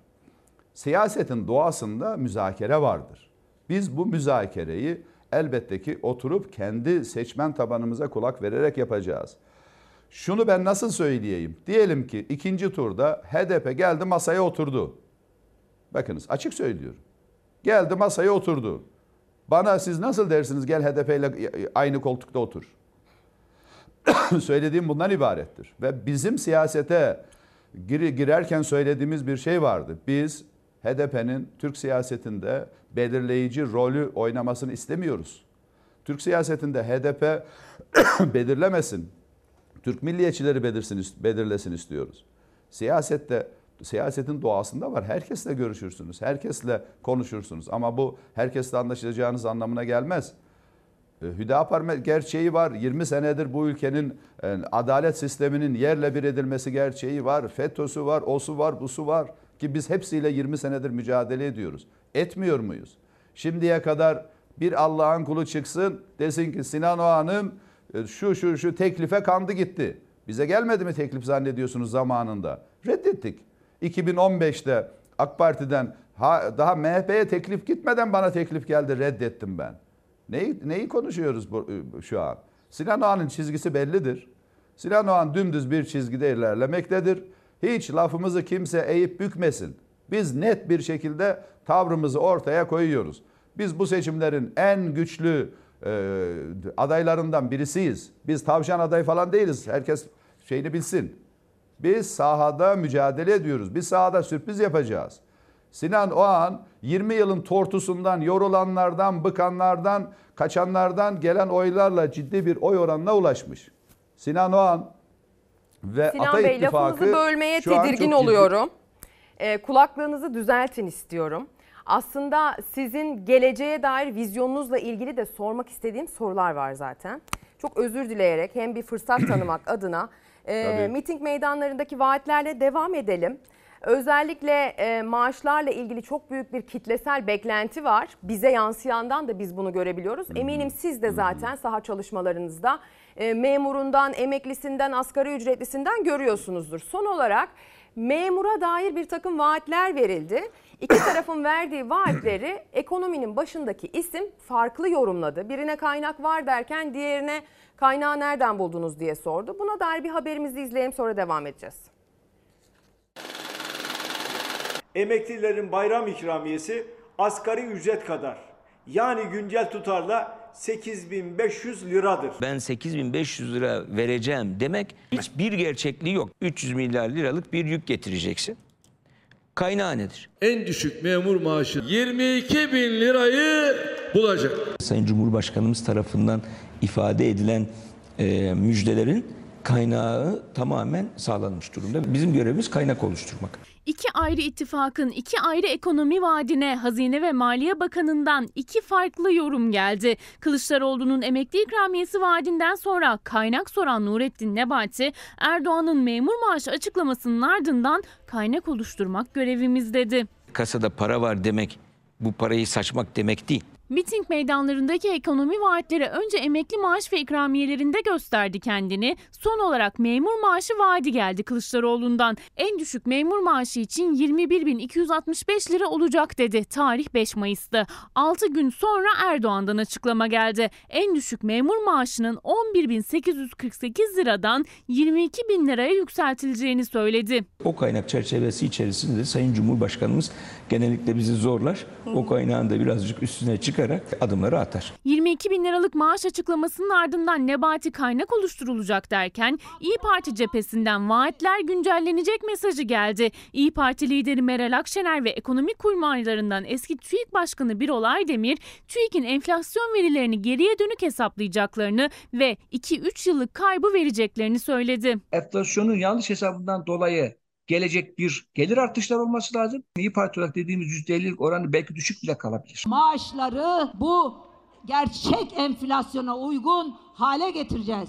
Vaatlerin kaynağını da Kılıçdaroğlu savurganlığı bitireceğiz diyerek gösterdi. Göreceksiniz savurganlığı bitireceğim. Onlara verilen ücreti fazla görmek, fazla bulmak bir defa etik bir durum değil. Yetersizlik sendromu yaşayan bazı e, sendikacılar var. En düşük memur maaşı vaatleri açıklanmadan önce ise ilginç bir çıkış geldi Çalışma Bakanı'ndan. Vedat Bilgin memurun kamu işçisinden yüksek maaş alma talebini yetersizlik sendromu olarak değerlendirdi. Sendikalar tepki gösterdi. Büro memur sen olarak e, kabul etmemiz mümkün değil. İşçileriyle rekabet etme gibi bir durumumuz yok kamu çalışanlar açısından. Biz Sayın Bakan'a bu yönüyle katılmıyoruz. Çünkü kamudaki bir mühendisin maaşı şu anda 17 e, bin lira. Yani bunun kabul edilebilir bir tarafı yok. Sizin sonrasına dair buna benzer vaatleriniz olacak mı ya da varsa neler? Belki bu son fırsatı değerlendirmek istersiniz Sayın Oğan. Şimdi Ezgi Hanım öncelikle yarın anneler günü tüm annelerimizi buradan tebrik ediyorum. Yarın böyle bir fırsatımız olmayabilir televizyona çıkma çünkü seçim günü olacak. Tüm annelerimizi başta şehit anaları olmak üzere tüm analarımızı tebrik ediyorum.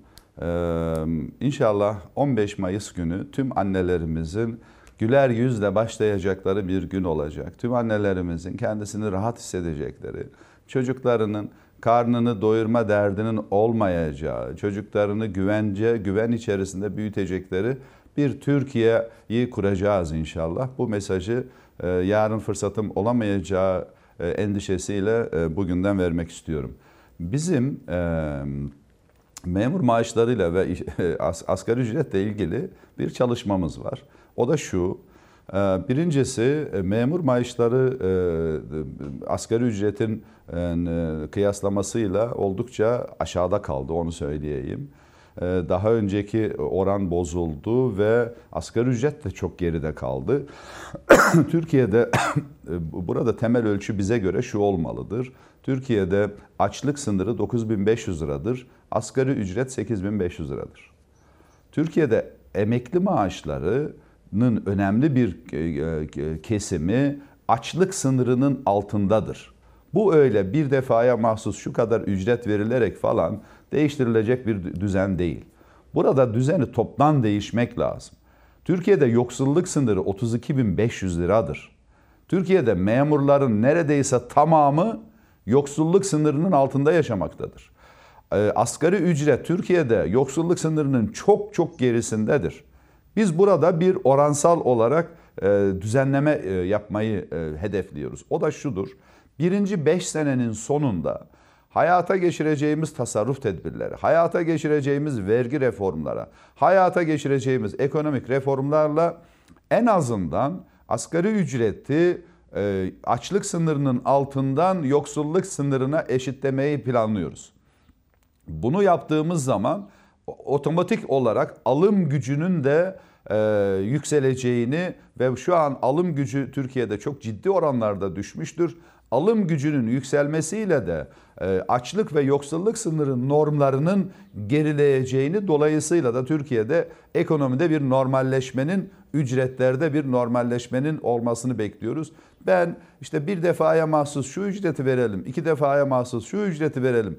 Bunları yanlış buluyorum. Bunları oy çalmak amaçlı politikalar olarak görüyorum. Bizim devlet yönetme anlayışımızda böyle seçim kazanmak için, birilerine şirin gözükmek için bir çalışma yoktur. Biz devleti devlet adamı gibi yöneteceğiz. Rayından çıkan sistemi rayına oturtacağız ve bu ülkede ama bunları yapmak için de adaleti sağlayacağız. 15 Mayıs sabahı keyfi uygulamaların biteceği bir sabah olacak. 15 Mayıs sabahı adaletin tesis edileceği bir sabah olacak ve 15 Mayıs sabahı inşallah Türkiye yeni bir güne, yeni bir e, döneme başlayacak. Bu dönem eskinin ve köhnenin artık geride kaldığı, gençlerimizin rahat nefes alabildiği, teknolojiye yatırımların yapıldığı, gençlerin cumhuriyeti e, sahibi olan Mustafa Kemal Atatürk'ün emanet ettiği biliyorsun Cumhuriyeti gençlere emanet etmişti. Ben en çok da gençlerimize güveniyorum. Genç seçmen bu seçimin sonuçlarını belirleyecektir. E, sevgili gençlere de bir çağrıda bulunmak istiyorum. Lütfen yarın e, hiçbir iş bundan daha önemli olamaz. Sevgili gençler, Mustafa Kemal Atatürk bu cumhuriyeti size emanet etti. Dolayısıyla da yarın emanete sahip çıkma zamanınızdır. Yarın mutlaka sandığa gidin. Mutlaka sandığa gidin. Sandıklara sahip çıkın. Müşahit olun, gözlemci olun. O civarda olun ve Türkiye'yi sağ salim bu seçimlere sokalım.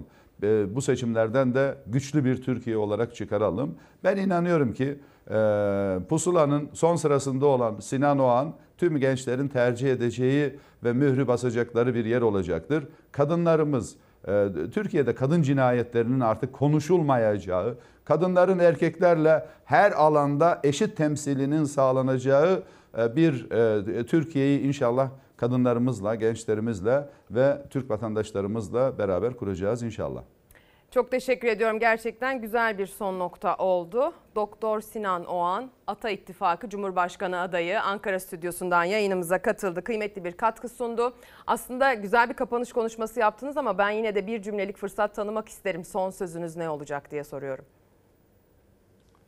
Çok teşekkür ederim. Çok e, kibarsınız, çok incesiniz. Son sözüm eğer müsaadeniz olursa şu olacaktır. E, aziz Türk milleti, Türk milletinin aziz evlatları. Yarın biz bir seçime gidiyoruz. Biz savaşa girmiyoruz. Rakiplerimiz bizim düşmanlarımız değil. Dolayısıyla da e, lütfen özellikle de bugün çok önemli. E, biz kimseye saldırmıyoruz. Biz kimsenin e, politikalarıyla, bizim yaptıklarıyla işimiz yok. Biz işimize bakıyoruz.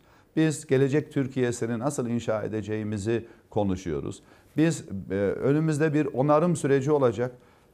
Sinan Oğan ve taraftarları bu onarımı nasıl yapacağı üzerinde kafa yoruyor. O sebeple lütfen gerginlikten uzak duralım.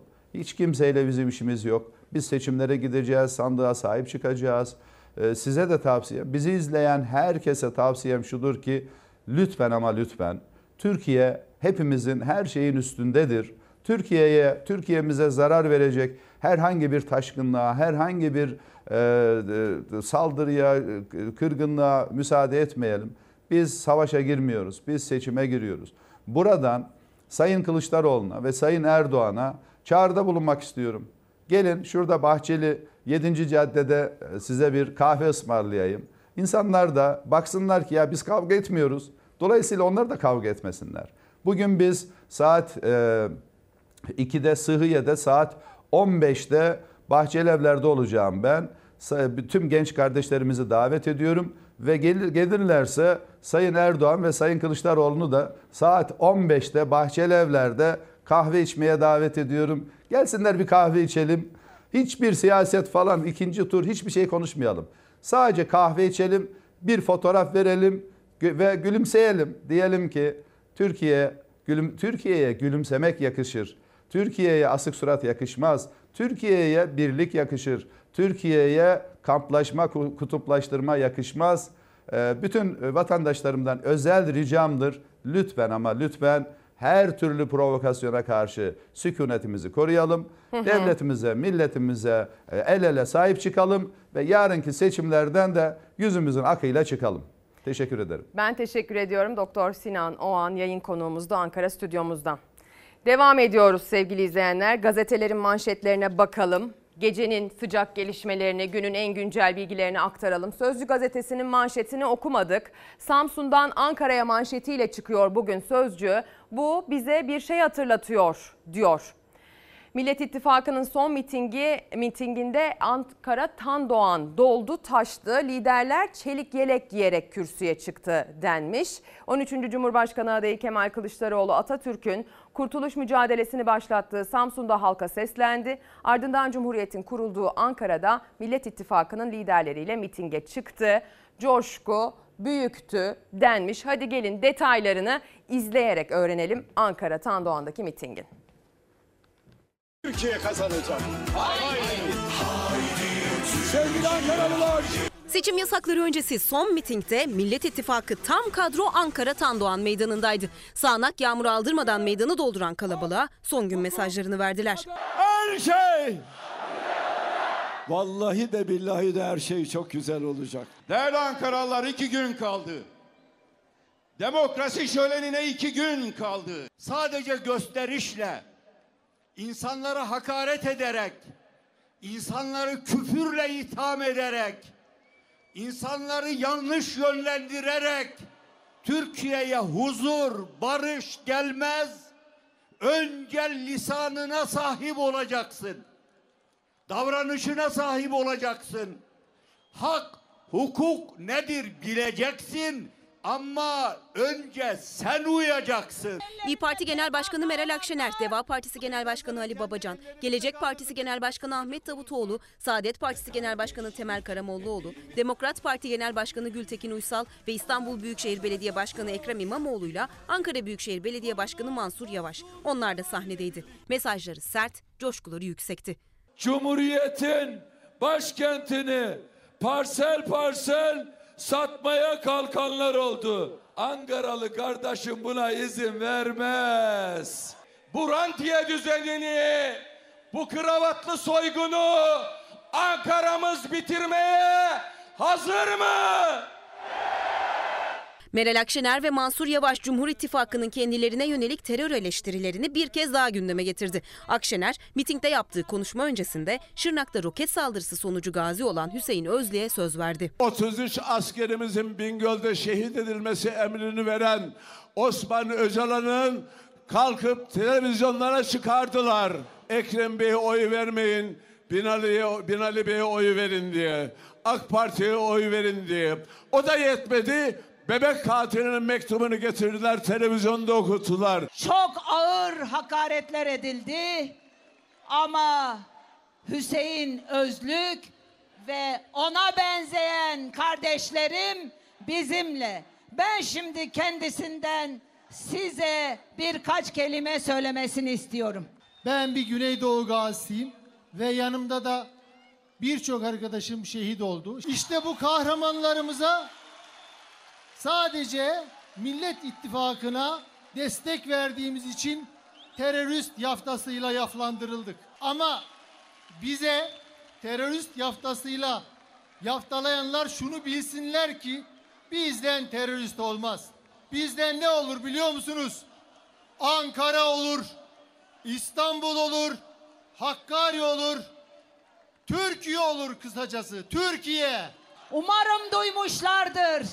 Umarım sağ ellerinde Hizbullah, sol ellerinde PKK olanlar duymuşlardır Hüseyin'i. Sahneye en son Kemal Kılıçdaroğlu çıktı. Kampanyası süresince dillendirdiği vaatleri de hatırlattı temennilerinde. Konuşmasını Nazım Hikmet'in dizeleriyle bitirdi. Bir ağaç gibi tek ve hür ve bir orman gibi kardeşçe yaşayacağız. Ankara mitingi işte bu şekildeydi. Çok yoğun bir e, sağanak yağmur olmasına rağmen kalabalık olduğuna yönelik çok ciddi e, geri dönüşler de oldu. Dün akşam saatlerinde liderler Fox'ta'ya konuk olan biliyorsunuz Kemal Kılıçdaroğlu da mitingden sonra hemen e, stüdyoda yerini aldı. Takvim gazetesinin manşetine bakalım. Sandık sonucuna saygı duyulsun. Dün akşam saatlerinde ortak yayında bu çıkışı Cumhurbaşkanı Erdoğan'ın oldukça dikkat çekiciydi. Başkan Erdoğan sandıktan çıkan her türlü sonucun meşru olduğunu söyledi. Ortak canlı yayında çarpıcı mesajlar verdi diyor. Aslında iki lider e, eş zamanlı olarak bu yayınlara katıldılar. Dolayısıyla aslında eş zamanlı olarak birbirlerine cevap verme şansları da oldu. İlker Karagöz'ün moderatörlüğünde Liderler Fox'ta e, haber genel yayın yönetmenimiz Doğan Şentürk, Ankara Haber Müdürümüz Tülay Ünal Öçten ve Engin Yılmaz ve aynı zamanda e, ana haber anchor'ımız Selçuk Tepeli'nin sorularıyla biliyorsunuz Liderler Fox'ta programıyla dün akşam saatlerinde bu ekrandaydı. Son canlı yayınıydı. Son noktayı koydu. Cumhurbaşkanı Erdoğan'ın dikkat çeken bu mesajına da anlık olarak aslında canlı canlı cevap verdi. Efendim özellikle bazı kesimlerde AK Parti iktidarı kaybederse, e, seçimi kaybederse hükümeti bırakmazlar, devretmezler açıklamaları geldi ve bir takım kaygılar var. Siz bu açıklamaları nasıl değerlendiriyorsunuz? Seçimi kaybederseniz tavrınız nasıl olur? Yani bunu tabii değerlendirmeye bile gereksiz buluyorum. Çok saçma bir soru. Yani bu tür soru ancak olsa olsa terör örgütlerine sorulur. Biz Türkiye'de demokratik yolla iktidara geldik. Halkımızın teveccühüyle iktidara geldik. Nasıl halkımızın teveccühüyle iktidara geldiysek yani milletimiz ola ki böyle bir farklı karar verecek olursa demokrasinin gereği neyse biz yine aynen bunu yaparız. Demokrasiyi özümsemiş partilerin birlikteliğiyle kurulan Cumhur İttifakı sandıktan çıkan her sonucu meşru kabul edecektir. Sandıktan çıkan her sonuç meşruysa zaten bizim istediğimiz de odur. Demek ki ortada e, İçişleri Bakanı'nın dediği gibi bir darbe marbe söz konusu değil. İstanbul'da Büyükşehir Belediye Başkanlığı'nı bakın meclisi değil belediye başkanlığını CHP aldığı zaman bizim belediye başkanımız hayır biz buradan çıkmıyoruz dedi mi? E ne yaptılar? E, belediye başkanlığını kazananlara kalktılar makamı verdiler. Aynı zarfın içine konulan dört oy pusulasından üçü doğrudur, biri yanlıştır diye Yüksek Seçim Kurulu karar aldı. Karar kimin iradesiyle oldu? Hakimlerin mi? İnsanı güldürmesinler. Sonra ne oldu? Yine halkın hakimliğine başvuruldu. 13 binlik oy farkı 800 bine çıktı. Hiç endişelenmesinler. Devir teslimi yapacaklar. Biz onları uğurlayacağız. Ben milletime inanıyorum ve sandıktan çıkan sonuca saygısı olmayanın millete de saygısı yoktur. Devir teslim Çankaya Köşkü'nde mi olur Beştepe'de mi? Onu e, Sayın Erdoğan belirler, ben değil. Devir teslim olur mu? Devir teslim olur mu yani Sayın Erdoğan sizin E, kazanmanız olmasın? halinde E, dem- katılır mı? Demokrasilerde temel kuraldır yani. Evet, katılır mı? Birisi gelir, birisi gider. Bu işin kaybedeni yok yani. Gidersiniz, devir teslim olur, mesele biter. Milletimizin pazar günü inşallah şahsıma tekrar Cumhurbaşkanlığı görevini tevdi edeceğine ben inanıyorum. Dün akşam saatlerinde karşılıklı dolaylı yoldan da olsa gerçekleşen bir diyalogtu bu sevgili izleyenler. Ee, Bugün gündeme yansıyacaktır. Posta gazetesinin manşetine bakacağız ve biliyorsunuz seçime gidilirken aslında e, açık bir yarayla gidiyor Türkiye. Kanayan hala kanayan bir yarayla gidiyor. Onlar tabii ki depremzedelerimiz ve içinde bulundukları durum. Aslında bu görevi yerine getirmek onlar adına gerçekten oldukça zor. Yer değiştirmeleri gerekiyor çünkü. Demokrasi aşkına manşetiyle çıkmış bugün Posta Gazetesi. Mevlüt Nadirli 6 Şubat depreminde Kahramanmaraş'taki evinin yıkılması sonucu enkaz altında kaldı. Tam 120 saat sonra yaralı çıkarıldı. Bir bacağı bir kolu kesildi. Ankara'da tedavisi devam ederken ne olursa olsun oy kullanacağım deyip doktorların itirazına rağmen hastaneden çıktı, memleketine gitti diyor. Memlekete gitmek çok zor. Memlekete gidince kalacak yer bulmak daha da zor depremzedeler için. Bir de tabii ki mücadele etmeleri gereken acıları tekrar yaşıyorlar o adrese geri döndüklerinde. Yüzleşmeleri gereken pek çok durumla yüzleşmek zorunda da kalıyorlar. Belki biraz da bu yüzden zor gidiyorlar. İşin bir de tabii ki ekonomik boyutu var. Hadi gelin Oy vermek adına e, görevi en zor olanlara bakalım.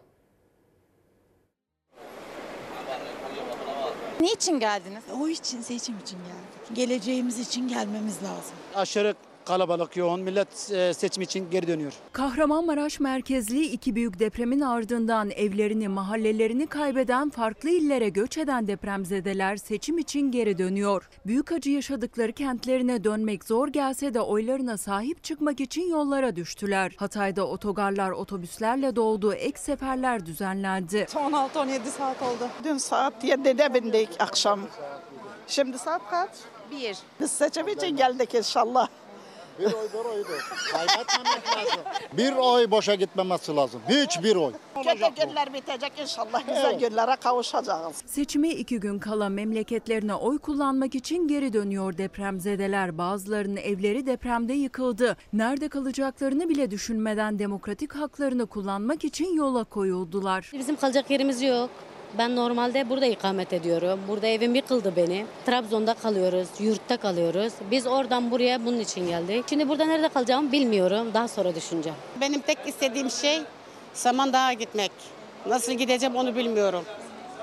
Önce bir kaymakamlığa uğrayacağım. Antakya otogarında son dönemlerde hiç olmadığı kadar büyük bir yoğunluk var. Yoğunluğun sebebi 14 Mayıs seçimleri. Otobüslerin biri gidiyor, biri geliyor. Biri boşalmadan diğeri yanaşıyor perona ve gelenlerin büyük bölümü de yüzlerce kilometre öteden sadece oy vermek için geliyorlar. Geçirdiğimiz kötü şeyden dolayı tepkilerini verebilecekleri e, tek bir şey kaldı ellerinde o da oy. Oy kullanmadan dolayı millet geri dönüyor. Bütün otogarlarda sadece burada değil yani. Sadece otogarlar değil, özel araçlarıyla da akın etti Hataylılar memleketlerine. Şehre giriş noktaları da trafikten kilitlendi. Burası da Hatay'da Antakya ve Samandağ'a ulaşan çevre yolu. Son 3 aydır oluşmayan yoğunluk oluşuyor bugünlerde. Yolcu otobüsleri bir yana şahsi araçlarıyla da bölgeye gelenler var.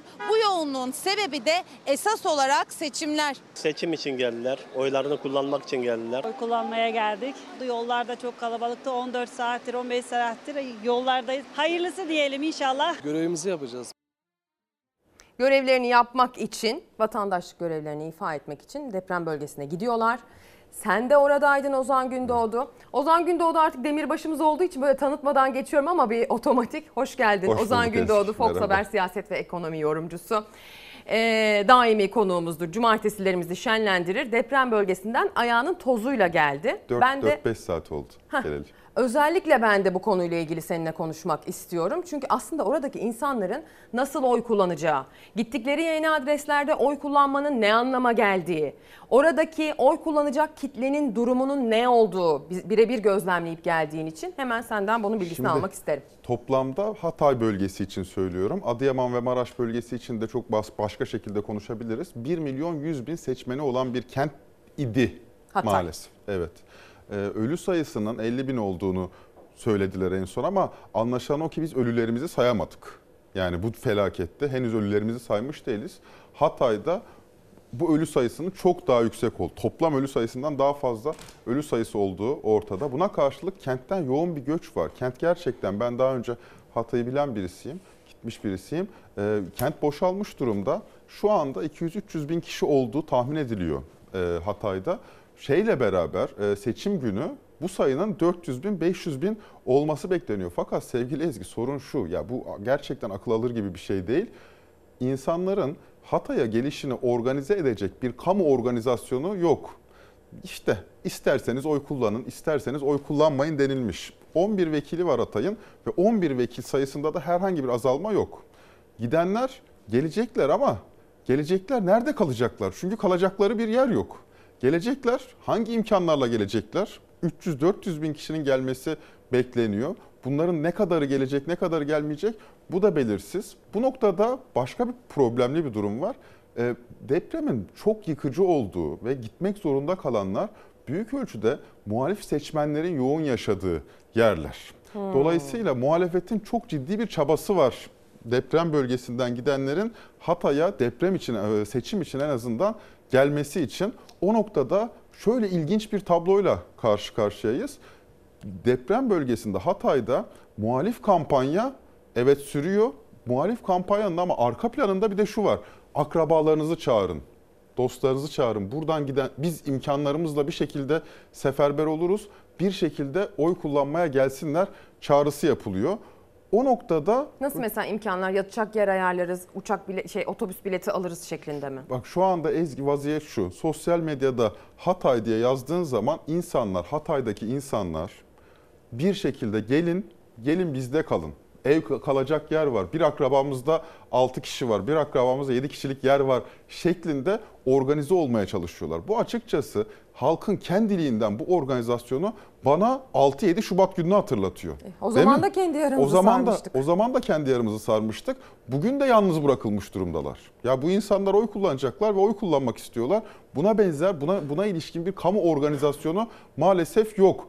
Ee, şu duygudalar. Bakın zaten e, 2-3 gün boyunca gözlediğim bir kere onlarca insandan özür diledim. Bir de buradan özür dileyelim. Çünkü seçim nedeniyle unutulduk diyorlar ve son derece haklılar.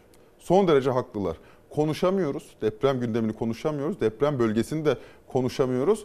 E, bu unutulma halinin aynısını şu anda kendileri yeniden yaşadıklarını düşünüyorlar. Çünkü işte seçim yapılacakmış burada diye bir şey var, e, duygu durumu var ve bu duygu durumu şuna dönüşmüş durumda. Özellikle muhalif seçmenlerde. Böyle kalsın isteniyor. Çünkü gidenlerin hepsi bizim arkadaşlarımız, bizim seçmen grubumuz öyle bir duygu var. Gelmesinler isteniyor diye bir e, şey oluşmuş, bir fikir oluşmuş.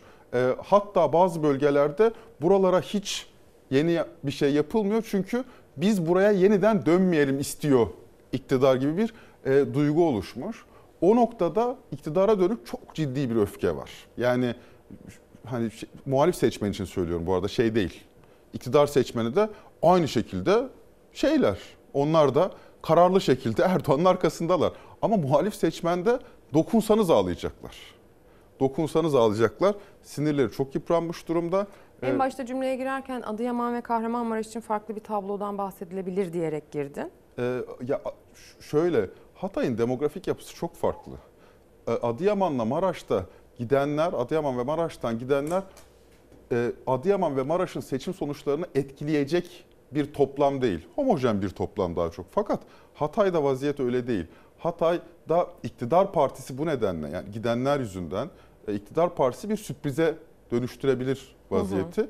Çünkü oy kullanamıyor e, Hatay halkının CHP'li Hatay halkı veya e, CHP'li Hatay halkı deyince bu arada onu da söylemem lazım. Hatay'da bir hayalet dolaşıyor. Nedir hayalet? Can Atalay hayaleti dolaşıyor. Yani herkeste, herkeste e, Gezi'den tutuklu Can Atalay'ın e, şeyi var. e, adı var. Türkiye İşçi Partisi Türkiye birinci İşçi sıradan Partisi bir, aday. birinci partiden, birinci, Birinci- sıradan aday olan kişi. Tabii orada şu duygu da var. Ahmet Atakan Gezi'de e, öldürülen kişi Ahmet Atakan'ın avukatı. Şimdi şöyle bir duygu oluşmuş Hatay halkında. Ya Ahmet Atakan Gezi'de öldürüldü. Ahmet Atakan'ın bir avukatı Hatice Can depremde öldürüldü. Bir avukatı Can Atalay o da hapiste. Ahmet Atakan'ın ailesi diyor ki bizim avukatımız kalmadı. Dolayısıyla onlar da Bugün de doğrudan Soma'nın yıl kampanyaya... dönümü. Aynı zamanda Soma'nın avukatı. Aynı zamanda Soma'nın avukatı. Çorlu tren faciasının avukatı. Ben ilk defa böyle bir Hendek şey patlaması ben ilk defa böyle bir şey geliyor. gözledim. İlk defa hayatım boyunca ilk defa böyle bir şey gözledim. İnsanlar şeyde de soğuma var tabii. Yani orada e, Hatay Belediye Başkanı'na ilişkin ya da bölgedeki ilçe belediye başkanlarına ilişkin, CHP'li belediye başkanlarına ilişkin de ufak bir tepki var. O tepki de anladığım kadarıyla e, şeye yöneliyor. E, tip tipe yönelmiş durumda. Buna karşılık şeyde ise iktidar bloğunda ise, iktidar seçmeninde ise orada kararlı bir tutum var. Fakat onlarda da şu var, vaziyetten, hala hazırdaki vaziyetten çok endişeliler. Temel tedirginlikleri şu, yani onlarla konuştuğum zaman şu izlenime ediniyorum. İktidar eğer ki giderse, iktidar eğer ki değişirse bize yapılan yardımlar duracak. Bu da açıkçası Bu tabii örgütlenmiş. altını şöyle çizmek isterim. Sonra lütfen devam et. Tabii. Bölüyorum ama e, Ozan Gündoğdu'nun gözünden oradan Tabii, izlenimler. buradan izlenim, evet, evet. Ha, Yani çünkü tam böyle seçim yasaklarının sınırına Tabii, tabii. girdiğimiz süreçte hani onun altını ben çizeyim. Şunu söylemek Lütfen. lazım yani iktidar değişse bu devlet işi yani sonuç itibariyle oradaki sosyal azalır mı? Ama şu örgütlenmiş yani bu söylenmiş o insanlara. Yani biz gidersek size kimse yardım etmez. Bakın biz yardım ediyoruz. Biz gidersek bu yardımların hepsi duracak şeklinde. Çok gariban insanlar, çok gariban insanlar da e ne yapacaklar yani? Onlar can derdinde zaten. Tamam o zaman aman aman gitmeyin diye e, şeye sarılıyorlar. O noktada iktidara sarılıyorlar. İktidar kamu gücünü, devlet gücünü o noktada politikleştirmeyi başarmış. Yani Hatay'ın belli mahallelerinde. Tablo bu. E, son derece acı bir e, görüntü de var. Depremin üzerinden 3 ay geçti. 3 ay. E, sevgili Ezgi, Armutlu'da gece saatlerinde ilk defa Armutlu'ya gece saatlerinde gittim. Zifiri bir karanlık. Zifiri bir karanlık. Arabanın uzunlarını yakınca yakalım dedim yani şöyle etrafta ne var? Yine zifiri karanlık. Çünkü ışığın çarpacağı bir duvar yok. Yıkılmış. Gün, gündüz gözüyle baktık. Dümdüz olmuş. 97. gün bugün. 97. gün. Sen Kerem Kınık'ın istifa haberini orada aldın o Evet, zaman. orada Nasıl aldım. yankı buldu? 96. günde gelen istifa. Valla açıkçası vaziyet şu. Daha çok insanların şey duygusu, e, öfke, nefret azalmış. Yerini artık bir yasa bırakmış. E, Ben memleketin herhalde 70 kentini gezmişimdir. Ben ilk defa bu kadar sessiz bir kent gördüm. Ya insanlar var. Kent doğal akışında gündelik hayat devam ediyor. Kornaya basmaya çekiniyorsunuz. Ee, hiçbir kafeden müzik sesi gelmiyor. İnsanlar bağırarak konuşmuyor ve bir matem havası var genel olarak kentte. Kahkaha atılmıyor, yüksek sesle konuşulmuyor, şakalaşılmıyor. Çıt çıkmıyor kentte ama her insanlar da var. Yani trafik akıyor, işte bir şekilde satışlar devam ediyor. Esnaf bir şekilde Yıkılmayan yıkılmayan tabii yani sonuç itibariyle hala 250-300 bin insanın yaşadığı bir kentten bahsediyoruz. Böyle bir sessizlik var. Kerem Kınık için de şunu söyleyebiliriz. Yani Kızılay şeyi için. Dokunsanız ağlayacağız şeyi var ya bu Mustafa Hoş yanımdaydı. Onun sözü çok enteresan yani. Şefkatli bir el başımızı okşasa hüngür hüngür ağlayacak durumdayız. O vaziyette Kerem Kınık'ın e, açıkçası Hatay halkının için herhangi bir önem arz ettiğini, Hatay halkının e, öfkesinde, nefretinde, kızgınlığında yer kaptığını ben açıkçası Görmedim düşünmüyorum. diyorsun. Çünkü e, umurlarında değil. Umurlarında değil. Bana ne? Milletin derdi Ker, aynen aşkın. yani Kerem Kınık istifa etmiş mi, etmemiş mi? İşte hepsinin yaşadığı ortada. Ee, işte 7 Şubat'ta, 8 Şubat'ta yaşadıkları hala hafızalarında e, çok büyük bir kırgınlık var genel olarak. Bütün sisteme ilişkin e, çok büyük bir kırgınlık var. O kırgınlık e, mutlaka tedavi edilmeli.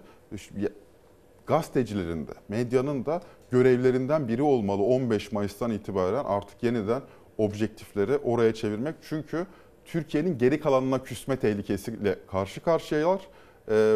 Helalleşme diyor Sayın Kılıçdaroğlu. Eğer kendisi e, Cumhurbaşkanı olursa yarın bölgeyle de Türkiye'nin helalleşmesi lazım. Çünkü unutulduk, burada yalnız bırakıldık hissi bölgede çok kuvvetli. O noktada bir matem devam ediyor.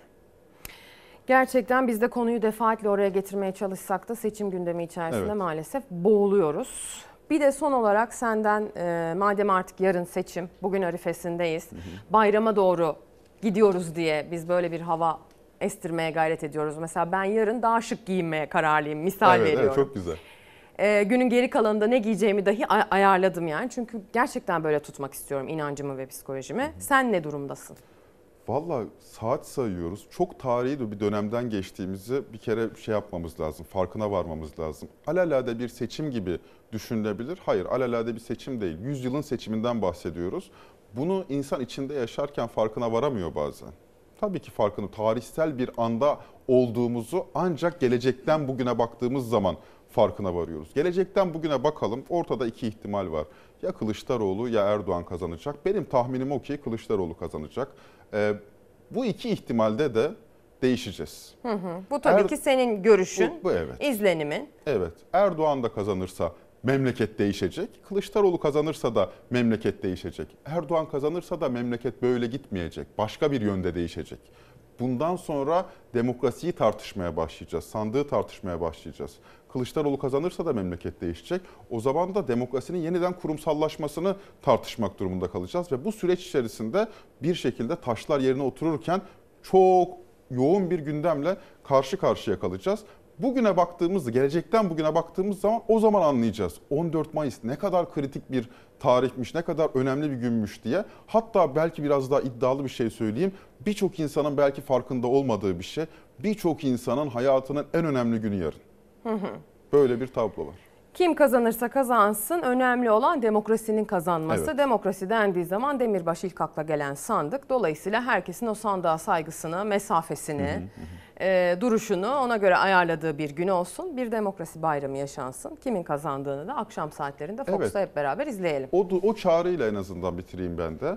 Ee, savaşa gidiyormuş gibi hazırlanılan bir seçim kampanyası takip ettik. Objektif olalım. Burada Herkes çok gergin, bu- yani adaylar bu- dahil. Burada burada bu seçim kampanyasında iktidarın kampanyası da yıllarca anılacak. Yıllarca anılacak. Böyle bir seçim kampanyasını Cumhuriyet tarihi görmedi.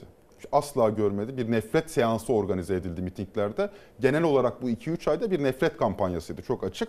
Tedirgin hissetmemiz, muhalif kesimlerin tedirgin hissetmesi ne neden oldu bu durum? Gerçekten insanlar şu anda korkuyorlar. Hı Bu korku iklimini yaymak istiyor. Halbuki bana kalırsa Türkiye 100 yıllık bir cumhuriyet. 1840'tan beri oy kullanıyor. 1876'tan beri anayasal bir rejimi var. 1923'ten beri cumhuriyeti var. Dolayısıyla dolayısıyla hiç korkacak, hiç tedirgin olacak bir şey yok. Memleketten, ülkeden, halktan daha büyük bir irade söz konusu değil. Halk egemenliği yarın tecelli olacak ve o istikamette Türkiye yoluna devam edecektir diye Aynen ben de Türkiye Cumhuriyeti Türkiye yoluna Cumhuriyeti, devam aynen edecek öyle. diye noktalayalım. O gün hepimiz farklı adreslerde, köyde, kentte, kasabada, Anadolu'da, Rumeli'de oylarımızı kullanacağız. Sonrasında nerede buluşacağız? Adres veriyorum, kaçırmayın. İnsanlar oy verdi ve oy namustur. Türk kamuoyuna bizim bir sorumluluğumuz var. O sorumluluğun bilinciyle Fox 14 Mayıs seçimlerine de hazır. Seçmen oyunu verecek, görevini yapacak. Bağımsız habercilerse o oyların sonucunu hızlı ve doğru bir şekilde Türkiye'ye ulaştıracak. Tıpkı veri akışının kesildiği, Türkiye'nin karanlıkta bırakılmaya çalışıldığı 31 Mart 2019 seçimlerinde olduğu gibi. Türkiye'deki seçmenin bir sorumluluğumuz var. Fox Haber olarak kesinlikle gitmeyeceğiz. Buradayız. Türkiye'nin haber kanalları görmüyor. Bu çok trajedi, bir dramdır. Seçim gecesi cesur ve tarafsız haberciler yine Fox ekranlarında olacak. Fox'ta seçim yayını Gülbin Tosun'la ana haberden hemen sonra başlayacak. İlker Karagöz ve Selçuk Tepeli sonuçları dakika dakika aktarırken Bekir Ağırdır seçimin gidişatını yorumlayacak. O Bekir Ağırdır da buradaymış. Patronların mesajını sana tercümeye geldi. Ayrıca Bekir abi biz buradaydık. Selçuk Tepeli geldi. Son dakika bilgileri yine Doğan Şentürk ve Tülay Ünal Öçten'de. Murat Yetkin, Çiğdem Toker, Nevşin Mengü ve Deniz Zeyrek en sağlıklı analizler için hazır. 14 Mayıs akşamı seçmen yine tarafsız ve objektif ekranda buluşacak. Fox Haber yine doğru sonuçların teminatı olacak. Oyunuzu kullanın, burada buluşalım. Türkiye'nin seçimi 14 Mayıs'ta Fox'ta. Bir kez daha günaydın sevgili izleyenler. Kaldığımız yerden devam ediyoruz Çalar Saat hafta sonuna. Bu blokta konuğumuz Özgür Özel olacak. CHP Grup Başkan Vekili. Hoş geldiniz yayınımıza. Hoş- Nasılsınız? Hoş bulduk. İyiyim, heyecanlıyım. Ben de çok heyecanlıyım. Yarın için çok umutluyum. 6 Şubat'ı düşününce ondan dolayı hüzünlüyüm. 13 Mayıs'ı düşününce Soma'nın Evet. yıl dönümünü olduğunu düşününce hüzünlüyüm. Ama umudum hüznümün önünde çünkü eğer yarın başarırsak bir daha Soma faciaları yaşanmayacak. Bir daha 6 Şubatlar yaşanmayacak. Elbette deprem olacak ama depremde tümüyle altında kaldığımız ve e, ölçüsüz derecede hasara uğradığımız ve çaresiz kaldığımız, devletin vatandaşını yalnız bıraktığı, devletin günlerce vatandaşına ulaşmadığı, imkanlarını seferber edemediği hatta be- be- belli noktalarda bilerek etmediği, vatandaşın devlet nerede diye bir daha bağırmadığı, depremin 3. değil 33. gününde bile çadır sorununun yaşanmadığı bir Türkiye olacak. Soma için ya da daha önce yaşadığımız diğer facialar içinde elbette riskler olacak ama yarından itibaren yönetime gelecek anlayış iş kazalarını sıfırlamak için, iş hastalıklarını sıfırlamak için, meslek kaza, meslek hastalıklarını sıfırlamak için çalışan iyi niyetli, emekten yana, insan hayatına değer veren, insana değer veren bir anlayış başlayacak. O yüzden 6 Şubat'ın ve 13 Mayıs'ın hüznü içimde ama yarına ilişkin çok ciddi umutlarım ve çok ciddi bir heyecanım var. Evet ben de çok heyecanlıyım. Biz de özellikle seçime gidiyoruz şeklinde bir vurguyla başlık atmak istedik bugün. Çünkü içinde bulunduğumuz durumun biraz gergin olduğunun da farkındayız. Ee, benim size sormak istediğim bir sürü soru var ama tabii ki 13 Mayıs'ı da es geçmek istemiyoruz. Çünkü 13 Mayıs'ın üzerinden yıllar geçti ama peşi sıra gelen hukuk garabeti maalesef son bulmadı. 301 madencimizi ihmal sonucu yitirdik ve sonrasında da benzer, benzer facialarda e, yine onlarca, yüzlerce insan kaybetmeye devam ettiğimiz bir süreçteyiz. O yüzden bugün önemli bir tarih ki siz de Soma deyince o maden faciası akla gelince akla ilk gelen siyasi isimlerden Maalesef. birisiniz. Öncesinde yaptığınız uyarıları da e, biliyoruz, facia geliyoruz dediğinizi de hatırlatmak isterim unutan varsa izleyicilerimiz arasında. Dün akşam saatlerinde Millet İttifakı'nın Cumhurbaşkanı adayı Kemal Kılıçdaroğlu biliyorsunuz Fox ekranlarında son noktayı koydu aslında seçime giden yolda. Dolayısıyla oradan aslında size sorular sormak isterim. Çünkü siz onunla çok yakın bir isim olduğunuz için, yıllardır birlikte yol yürüdüğünüz için adına cevap verebileceğiniz pek çok durum var diye düşünüyorum. Ee, Öncelikle şunu şu vurguyu çok sevdim ve not aldım. Ya demokrasiyi gerçekten getireceğiz ya da demokrasiyi tarihin çöp sepetine atacağız dedi. Yarınki seçimden bahsederken Kemal Kılıçdaroğlu. Siz de böyle bir demokratik eşikte olduğumuzu düşünüyor musunuz? Elbette düşünüyorum. Öncesinde bir cümle Soma ile ilgili söyleyeyim. Lütfen. Yayından sonra e, hızla Soma'ya doğru gideceğim. Saat 2'de Soma'da maden şehitlerimizin yanında olacağız mezarlıkta. 2.45'te madenci anıtının önünde olacağız ve tam saatler 3'ü 5 geçtiğinde 9 senedir orada olduğumuz gibi yine orada olacağız. Bütün Somalıları, bütün Manisalıları oraya tekrar bekliyoruz. Çünkü o gün bütün Türkiye ağlarken unutursak yüreğimiz kurusun demişti. Davanın başladığı gün mahkemenin önünde 4 kilometre kuyruk vardı mahkemeyi izlemek için. 300 kişilik salona her aileden bir kişi alındı. Yani hayatını kaybeden madencinin kızı alındıysa eşi alınamadı. 300 kişiydi salon. Son karar açıklanırken biz salonda 150 kişiydik. Sadece 150. Ben 86 dava takip ettim o salonda. Hiç bırakmadık.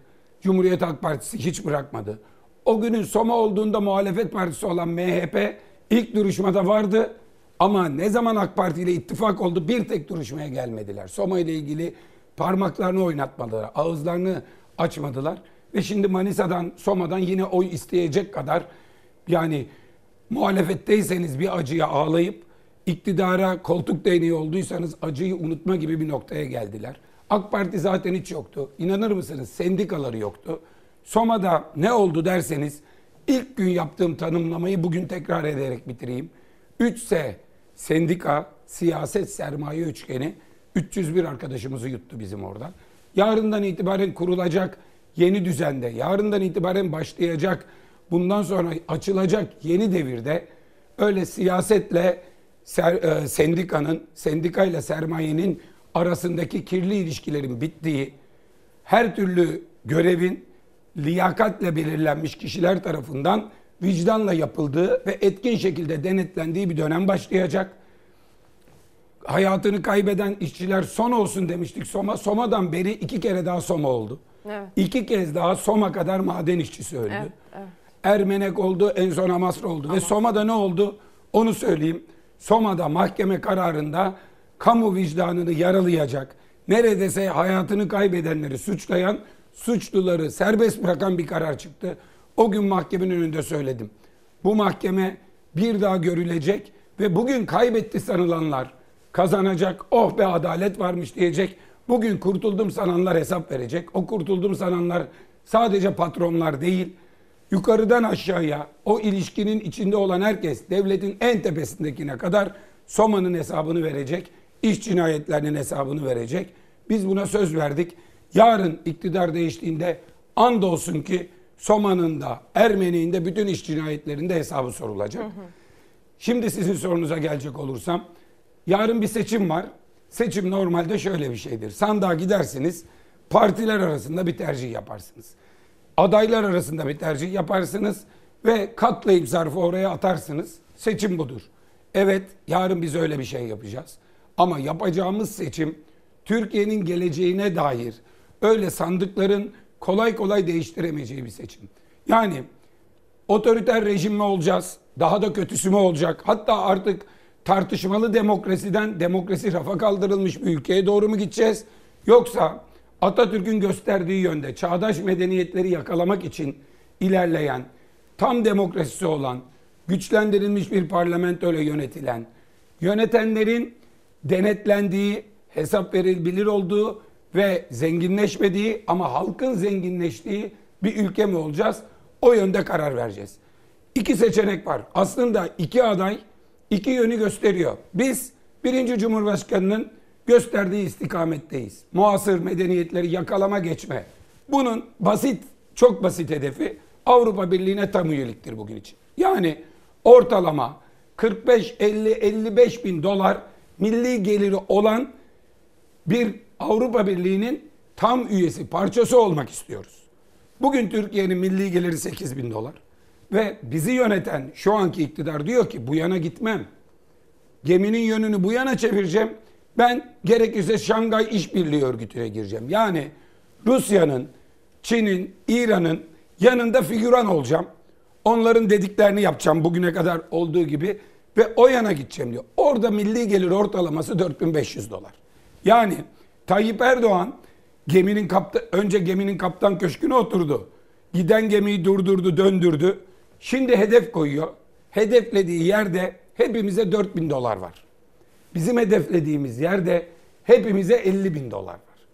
Yani Türkiye yarın özgürlükler ya da yasakları seçerken, demokrasi ya da baskıcı bir rejimi seçerken, Türkiye aynı zamanda kişi başına 50 bin dolarımız mı olsun, 4 bin dolarımız mı olsuna karar verecek. Buradaki liderler dünyanın en lüks arabalarına biniyorlar. En büyük saraylarında oturuyorlar ama halk fakir. Buradaki liderler apartman dairelerinde mütevazi konutlarda oturuyorlar ama halk zengin. Örneğin bir önceki Alman şansölyesi Merkel dünyanın en pahalı makam aracını üretiyordu ülkesi. 10 tanesini marka vermeyeyim herkes biliyor. Evet. İkisi bizim cumhurbaşkanımızda. İkisi Katar'da, biri Birleşik Arap Emirlikleri'nde falan. En pahalı makam aracının, limuzin uzun makam aracının. Üretiyor ama kendisi kullanmıyor. Kendisi bir düşük markanın mütevazi minibüsüne biniyordu. Türkiye'de ikisi de satılıyor. Herkes biliyor. Merkel uçağa bindiğinde çok acil bir şey yoksa normal tarifeli uçakla hatta ekonomi sınıfı uçuyor. Bizim 16 uçağımız mı var 13 uçak mı var kavgası var. Biz 16 uçak deyince hayır 16 yok 13 var diyorlar. Bir tanesi dünyanın en pahalı uçağı. Dünyada 8 tane var. Biz, bir tanesi bizde. O yüzden yarınki karar şu. Yönetenler mi zengin olsun, halk mı zengin olsun? Yönetenler mi mütevazi olsun, halk mı mütevazi gelirlere, düşük gelirlere, fakirliğe razı olsun? Meselenin kendisi bu. Yarınki oy tarihi bir oy. Yarın atılacak bir oy sadece kendinizi etkilemeyecek. Mesela Almanya'da attığınız bir oy Fransa'da, Amerika'da yarınki 4 yılınızı 5 yılınızı etkiliyor. Sizi 4 yıl 5 yıl nasıl yönetecekler? Bir de o ülkelerin ekonomi politikaları, milli eğitim politikaları, milli savunma politikaları oturmuş, yerleşmiş. Yönetenlerin de yönetilenlerin de bu politikalarla mütabakatı var ve kavgaları yok. Ama bizde durum çok farklı ve biz yarın öyle 4 yıl 5 yıl bizi kim yönetsin ve hangi nüanslarla farklarla yönetsini kararlaştırmayacağız.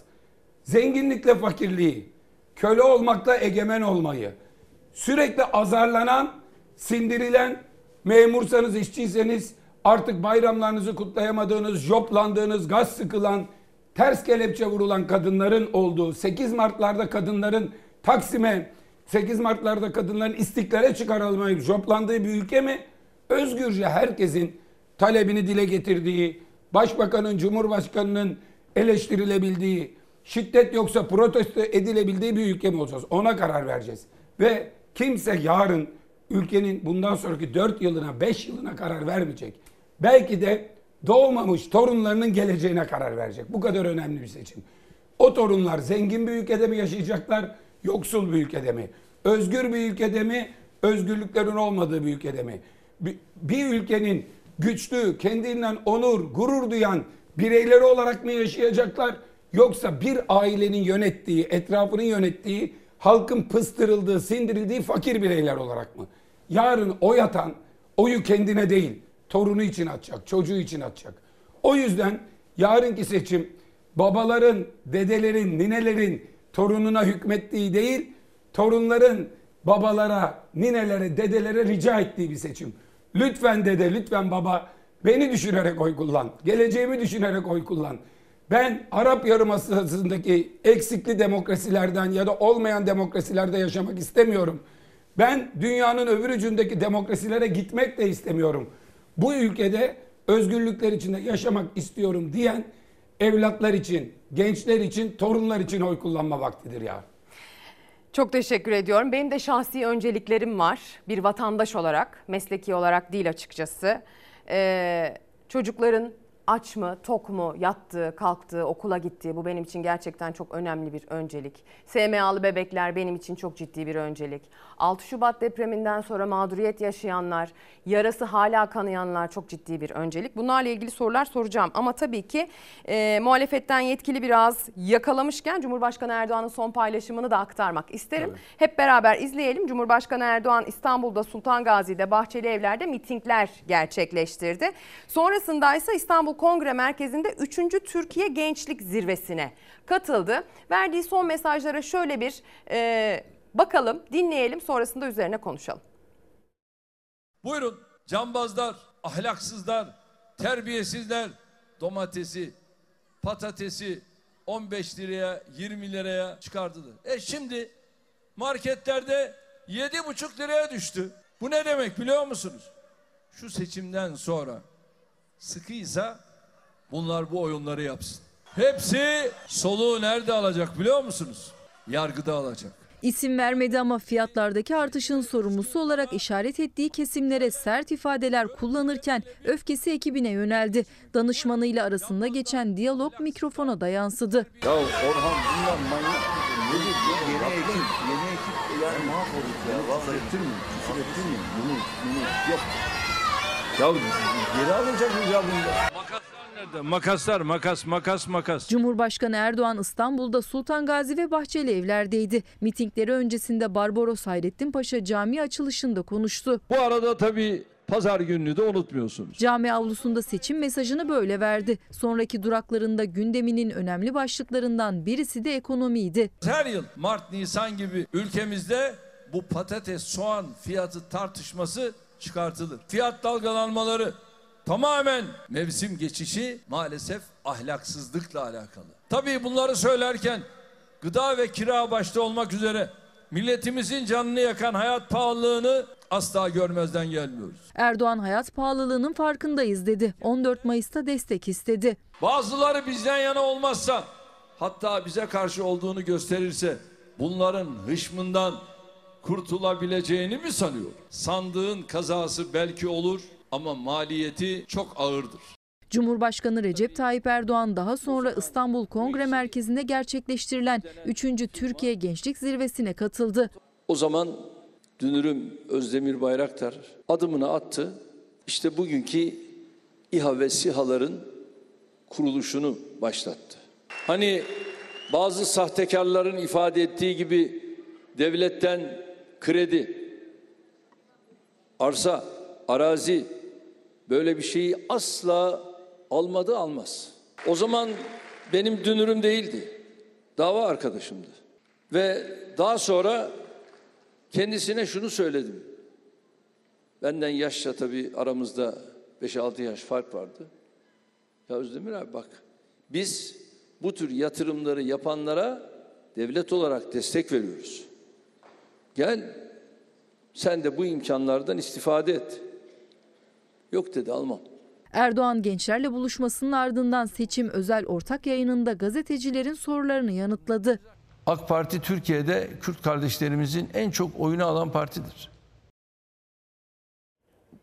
Dedi son olarak Cumhurbaşkanı Erdoğan dün akşam katıldığı canlı yayında verdiği düne dair mesajların aslında önemli bir özetiydi bu sevgili izleyenler. Şimdi Özgür Özel'e döneceğim. Özellikle bu İHA ve SİHA meselesiyle ilgili Millet İttifakı'nın tavrı çok merak ediliyor. O zaman için benim dünürüm değildi dava arkadaşımdı gel bu e, imkanlardan faydalan dedim kendisine diye de bir çıkışı oldu dün itibariyle ne dersiniz? Şimdi iktidar partisi seçimi kaybedeceğini uzun süredir görüyor. Bunun için birkaç aşamalı ve her birisi ölçüme dayanan işler yaptılar. Bunlardan birincisi şuydu. Yıllardır yap dediğimiz inatla yapmadığı, gerekçe olarak da para bulamadığı ama başka yerlere para bulduğu bir sürecin sonunda geldiler. Örneğin ne diyorlardı? Seçimi kaybedeceğimi bilsem emeklilikte yaşa takılanları çözmem. Çift maaş alacaklar diyorlardı. Bütün çevresi dört maaş alıyor olmasına rağmen. Yani emekli maaşı alır tekrar iş bulur diyordu. Eme EYT'lerde diyordu ki Çift dikiş. Çift dikiş diyordu. Bırakın emekli olayım diyordu ki çok gençsin çalışırsın. E, ver iş çalışayım iş yok çalışamazsın. Böyle bir şeydi. Dedi ki anketleri gördü EYT'yi çıkaracağım dedi. 3600'ü vermiyordu anketleri gördü yapacağım dedi. Taşerona kadro konusu benzer şekilde oldu. Asgari ücret çok düşüktü. 140 dolarlara gerilemişti. Neredeyse Çin'in en kötü zamanlarına denk geliyordu. Ama asgari ücrette birkaç kez artış yaptı falan ve ölçmeye devam etti. Şimdi tabii yaptığı iyileştirmeler bizim söylediğimiz dönemde yapmayıp yıllar sonra yaptığı için yaraya merhem de olmadı. Hatta vatandaş diyor ki kış geçer ama kurt yediği ayazı unutmaz diyor. Biz seçimden önce bize ne yaptığını, seçimden sonra ne yaptığını biliyoruz. Örneğin Kemal Kılıçdaroğlu dedi diye 2015'te ben de vereceğim dediği bayram ikramiyesini ilk 2018'de verdi 1000 lira. 3 sene 1000 lira, geçen sene 1100, seçim yılı diye 2000. Oysa Kemal Bey geldiğinde 8500 lira olacak bayram ikramiyesi ve gelecek bayram kurbanda bu bayramda verilmeyeni de alacakları için 17 binin 2 binini aldılar 15 bin lira kurban bayramında alacaklar. Ama biz ne dediysek yani bunlar nasıl oy alıyor olabilir? Bu ekonomik vaatlerle mi alıyor olabilir diye yaptı. Ölçtürdü. Son olarak memur zammı galiba hepsi, paralel gitti. Hepsi içinde. Ölçtürdü ve seçimi kazanamadığını gördü. Bu sefer ikinci adımda sorunuza geldiğim noktada devletin büyük projelerini partiye mal ediyor. Yani öyle bir şey ki hem tuhaf bir ikilik yaşıyor. Millet açız deyince meydanlarda tok gezdiriyor. Açım diyene togu gösteriyor. Buradan bir tepki alıyor. Ama o tok elektrikli bir araç. Türkiye'nin bir projesi. Gecikmiş bir proje. Sonuna kadar desteklediğimiz bir proje. Ben mecliste Varanka dedim ki bu TOG'u götürme. Çünkü getirmiş AK Partili kimliğinden de çok ön planda olan birisi. TOG üzerinden parti... Bak dedim yanlış.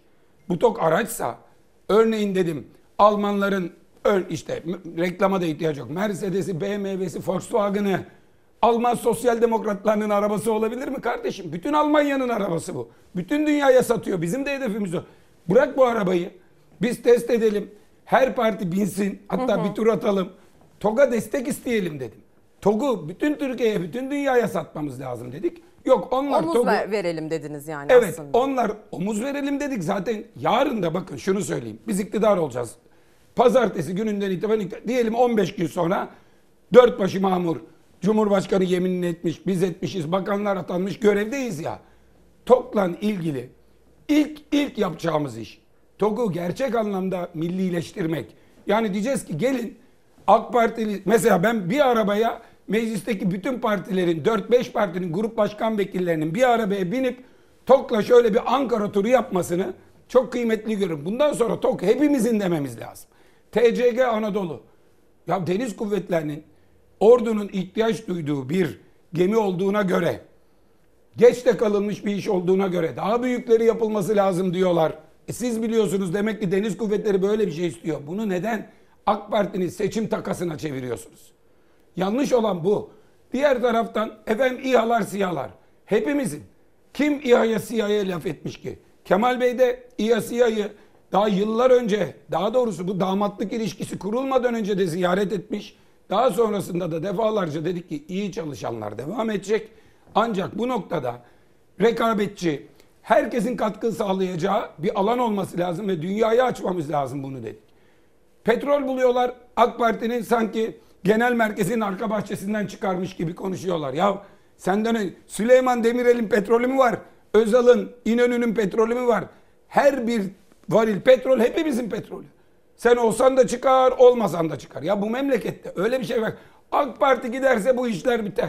Ya öyle olsa şimdi Erbakan'ın, Demirel'in, Özal'ın, Ecevit'in, İsmet İnönü'nün gittiği Ama Türkiye'nin dimdik ayakta durduğu 100 yıllık bir sürece ve millete, memlekete hakaret bu. Ya Atatürk gitmiş.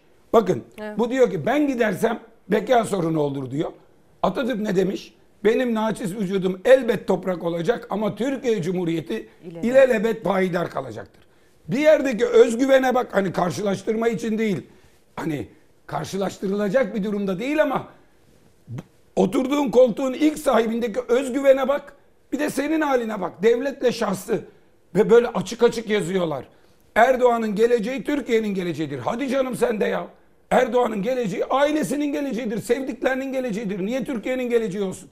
Erdoğan emekli olursa sevdiklerine kavuşur. Erdoğan görev başında kalırsa yoksullar daha da yoksullaşır. Denklem bu.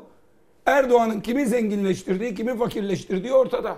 Ama bir partiyle bir devleti özdeşleştirirsem şu rezalet ortaya çıkıyor. Dün akşam Kemal Kılıçdaroğlu Sayın Genel Başkanımız sizde yayında siz yayınlıyorsunuz. Karşı tarafta 17 ayrı ama yan kanallarıyla işte Avrupa'sı bilmem ne. 29 kanalda yayında. Bir tarafta Kemal Kılıçdaroğlu, bir tarafta devletin kanalları, yandaş kanallar, merkez medya, haber kanal hepsi birden onun yayında. Ya böyle bir şey yok. Böyle bir tek kim tahammül edebilir? Bize yapsalar, bakın bize yapsalar, bize yaptıklarında itiraz ederiz ya. İnsan bu kadar ya- yaranmacılıktan diyeyim yani kibarcası. Bu kadar yaranmacılıktan, bu kadar böyle aman efendim biz destek olalım ki başımıza bir şey gelmesin. Ya her kanal kendine göre yayın yapar. Çağırırsın. Birine Kemal Bey çıkar, birine Sinan Bey çıkar, birine bir başkası çıkar, bir tanesine Tayyip Erdoğan çıkar. Hadi aynı kanalın yan kanallarıyla iki kanal birden veriyorsunuz. 30 kanal birden bir adamı dayatmak ne yani? Memleket demokrasi nedir? Çoktan seçmeli değil mi? Çoktan seçmeli. Tayyip Erdoğan demokrasi şu. 30 kanal var 29'unda aynı kanal çekiyor. Kendini dayatıyor. Zaten Kemal Kılıçdaroğlu da dün katıldığı canlı Evet. yayından sonra buna dair bir paylaşım yaptı. Söz verdi. Biz bu ülkeyi yönetirken tüm kanalların aynı içerikle yayın yaptığını bir daha asla görmeyeceksiniz. Demokrasi vaat ediyoruz. Demokrasi çok güzel, çok müthiş bir şey. Demokrasi biliyor musunuz? Şunu sorayım. Tayyip Erdoğan 20 yıldır ülkeyi yönetiyor, yönettiriyor. 20 yıldır, 21 yıldır. Milli takımın muhteşem önemli maçlar oldu. Muhteşem önemli. Hangisine 30 kanal verdi? Sen milli takımdan daha mı millisin kardeşim? Sen milli takımdan daha mı önemlisin? Senin başarın milli takımın başarısından alması gereken milli takımı tek kanaldan vereceksin. Öbür kanalda kadın programı da var isteyene. Çünkü izlemiyor, izlememek istiyor olabilir. Kadın programı var, film var, eğlence var, haber var, maç da var. Milli takım tarihinin en önemli maçına çıksa bir kanal yayınlıyor. Hadi TRT iki kanaldan verdi diyelim. Sen siyasi yayına çıkıyorsun 30 kanala yayınlatıyorsun. Kendini milli takımın üstünde gören, kendini ülkeye böyle dayatan bir anlayıştan bıktık artık. Yani gençler yüzde 80 muhalefete oy veriyormuş. 80-80. Verir tabii. Bir televizyon uzaktan kumandasının bastıkça aynı adamın çıktığı bir yayına gençler tahammül eder mi ya? Benim kızım bak ben bir kanaldan fazla kanalda çıksam ne yapıyor bu babam anne der atlar geçer beni ya. Yok böyle bir şey. Kimse kimseye kendi dayatacağı bir çağda yaşamıyoruz. O yüzden o yüzden ne yaparsa yapsın kaybediyor. Ve ne yaparsa yapsın kaybedecek. Ne yaparsa yapsın gençler kazanacak. Kadınlar kazanacak. Özgürlük isteyenler kazanacak. işçiler kazanacak ve tek adamın tek sesinden bıkanlar kazanacak. Geçmişte ona oy vermiş olsalar bile. Geçtiğimiz haftalarda çok fazla şunu konuştuk. İşte seçime dair İçişleri Bakanlığı'nın paralel bir sistem kurmak istemesi, sonuçları almak istemesi, buna dair aldığı red cevapları. Sonrasında ordudan zırhlı araç istediğine yönelik iddialar. Sonrasında emniyetten yazılı değil sözlü taleplerde bulunduğuna dair bir takım iddialar çok fazla dile geldi. Sonrasında tabii öncesinde biliyorsunuz e, seçimi ihtilale kurtuluş savaşına benzetmeler, secde ile şampanya arasında bir seçimmiş gibi tabir etmeler de çok tartışıldı.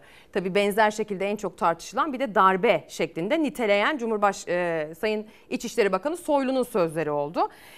Buradan şöyle bir sonuç çıktı aslında. Hemen ben not aldığım şekliyle de aktarmak istiyorum sizlere. Dün akşam itibariyle yayın başladığında biz gitmeyeceğiz diye bir mesaj veriyorlar. Kimsiniz siz ya kendinizi halkın üzerine koyuyorsunuz diye. Dün akşam bu ekrandan Kemal Kılıçdaroğlu bu duruma tepki verdi.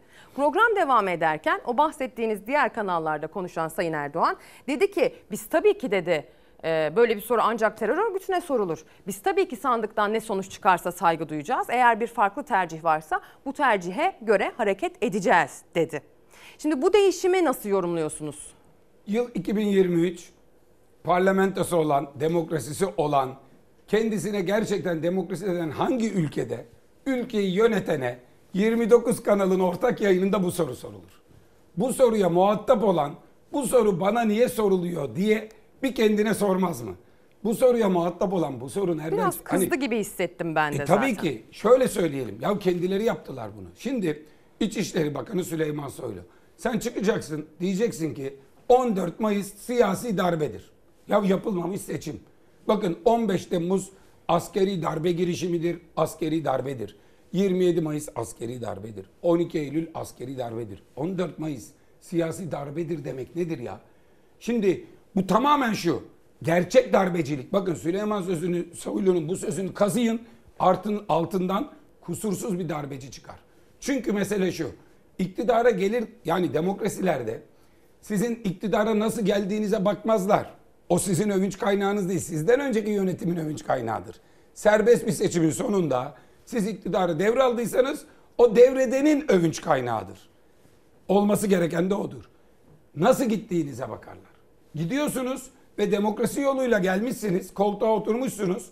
Yine bir sandık ve diyor ki siyasi darbe. Yani sandık seni getirirken iyi koltuğa oturacaksın, sonra değişmeyeceksin. Askeri darbe olursa ona direneceksin, itiraz edeceksin. Çok doğru. Halkın oyunu korumak için. Millet değiştirirse ona da itiraz ediyor. Diyor ki siyasi darbe. Önemli olanın demokrasi, gelmek ve gitmek. Halkın istediğini seçmesi, istediğini değiştirmesi, memnun olduğunu devam ettirip, yıllarca devam ettirmiş seni, memnun olmadığını görevden el çektirmesi demokrasiyken, bu iktidara gelmişken gitmemek için sandığı bile darbe olarak görüyor. Esas mutlak olanı iktidar görüyor. Eğer iktidar mutlaksa rejimin adı demokrasi değildir. İktidar mutlaksa onun adı krallıktır, padişahlıktır, emirliktir, sultanlıktır. O yüzden onun adı otokrasidir. Eğer adı demokrasi olacaksa millet sandıkta değiştirecek. Şimdi sen bunu dersen. Sonra Recep Tayyip Erdoğan olarak benim milletim filanca yerden destek alana Cumhurbaşkanı olsa da vermez dersen sana bu soruyu sorarlar. Bu sorunun tek başına sorulması ve bu sorunun normal bir soruymuş gibi yanıtlanması bile Tayyip Erdoğan'ın 2023 yılında Türkiye'yi nereye getirdiğinin göstergesi. 1950'de 14 Mayıs akşamı bu soruyu sordular İsmet Paşa'ya. Öncesinde İsmet Paşa yönetimi vermez diye bir propaganda hiç yapılmadı. Tek başına iktidardı. O güne kadar hiç demokrasi olmamıştı. İlk kez seçim vardı ve Demokrat Parti Cumhuriyet Halk Partisi'ni yendi. Bugünkü ittifak Evet. ortağımız. Tek partili dönem İsmet Paşa bitti. yanındaki birkaç kişi ve yabancı basın hemen sordu. Dediler ki paşam yönetimi devredecek misiniz? Hatta bazıları demiş ki yönetimi bunlara vermeyi düşünmüyorsunuz değil mi? İsmet Paşa şöyle diyor. O hep zaferler kazanmış ya. Şüphesiz diyor bu benim en büyük yenilgim. Ama Türkiye demokrasisinin zaferidir diyor. Ve yanındaki habercisine diyor ki Demokrat Parti Genel Merkezi'ne gidiniz ve paşa istediğiniz zaman devir teslimi hazırdır diye bildiriniz. Ve o kaygılar Demokrat Parti'nin genel merkezinde Adnan Menderes, Celal Bayar tıkıdık tıkıdık tıkıdık atlı geliyor ve diyor ki sonuçlar ilan edildiğinde paşa hemen devir teslime hazır. Onları da rahatlatıyor, ülkeyi de rahatlatıyor. Ve asla ve asla kimsenin aklından yönetimi vermemek geçmiyor. Bu soru bu kişiye 1950'de Cumhuriyet Halk Partisi kaybettiği bir seçimden sonra hem de ordu komutanı falan falan İsmet Paşa güle oynaya şanla şerefle verdikten 73 yıl sonra soruluyorsa sorulması bile sorundur. Kişinin kendi demokrasi karnesinin ne kadar kırık olduğunu gösterir. Bu kadar net. Bunun üzerine daha ne konuşalım? Bir de bu kişiye bu soru neden soruluyor? Ya şimdi neleri göze aldığına bakıyorsunuz. Koskoca Cumhurbaşkanı değil mi? Makam Cumhurbaşkanlığı. Çıkmış mitinglerde video oynatıyor.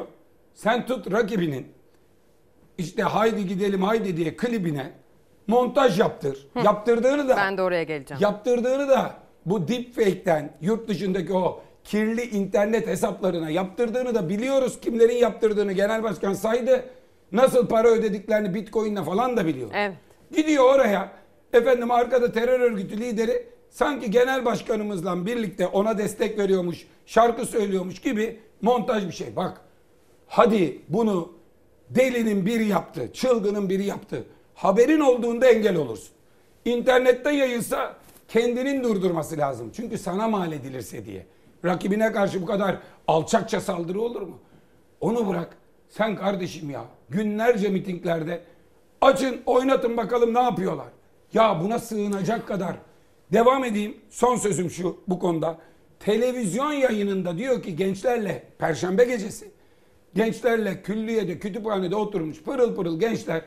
Gençler diyor bunu nereye koyacaksın diyor. Adama diyor terör örgütünün diyor militanları diyor şarkıyla destek aynı klipte oynuyorlar diyor. Bu kadar. Bunu göze alan adama sorarlar ya kaybedersen bırakacak mısın diye. Şimdi bu konu hangi eksende tartışılıyor onu hatırlatmak istiyorum. Aslında bu başlık altında değerlendirebileceğimiz hem seçim öncesi hem de seçim sırasıyla ilgili bir sürü konu başlığı var. Cambridge analitikalar, deepfake videolar buna dair aslında bugüne işaret ediliyor. Yani seçim öncesinde böyle videolar çıkabilir şeklinde. Ama biz birkaç gündür o videoyu konuşuyoruz. Bu e, montajlı videolar dün akşam saatlerinde orta sayfada konuşuldu. Hangi eksende konuşulduğunu bir hatırlayacağız, devam edeceğiz. Bu seçim kampanyasında sadece şiddet dili, ötekileştirme e, görmedik. Sahte e, montajlanmış sahte videolar da gördük.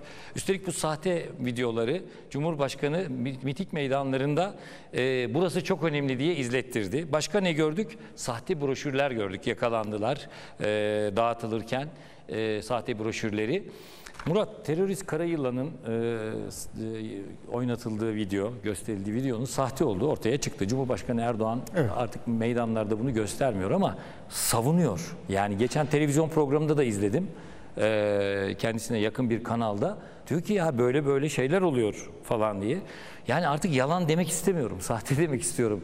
Cumhurbaşkanı Yalan demeyelim, doğru değil diyelim. Evet yani, Madem yani. e, öyle diyelim bari. E, ya kendisi de inanıyor buna. Zaten mesele bu. Yani bunu inanarak söylemesi mesele. Ee, şeyi hani sahteciliğin bin çeşidini gördük artık yani. Afişler de bastırıldı biliyorsun. Hani e, Anadolu'da özellikle mesela Kayseri, Güneydoğu filan buralarda CHP afişi adı altında AK Partiler afiş bastırdı. Şimdi e, bu neyi gösteriyor? Yani bana kalırsa bu çaresizliği gösteriyor. Yani artık yapacak bir şey kalmamış. Çünkü e, tek e, şeye seçmene ulaşabildikleri şey e, işte bunlar PKK'cı, bunlar FETÖ'cü. Ama dediğim gibi kabak tadı verdi bu. Sen az önce dezenformasyon yasası nerede dedin? Dezenformasyon yasası İletişim Başkanlığı'nın kasasında. İşlerine geldikçe onları çıkarıyorlar. İşlerine geldikleri gibi kullanıyorlar. İşlerine gelmedi mi de üstüne yatıyorlar. Anadolu Ajansı'nın da var dezenformasyon servisi değil mi? Hani bunlara yok. Bunlara hiçbir şey yok. Burada artık tamamen bir çifte standart içinde. E, efendime söyleyeyim tamamen işi propagandaya dökmüş vaziyette devlet kurumlarını kullanıyorlar. Yani işte şey e, Kemal Kılıçdaroğlu TRT'ye çıktı.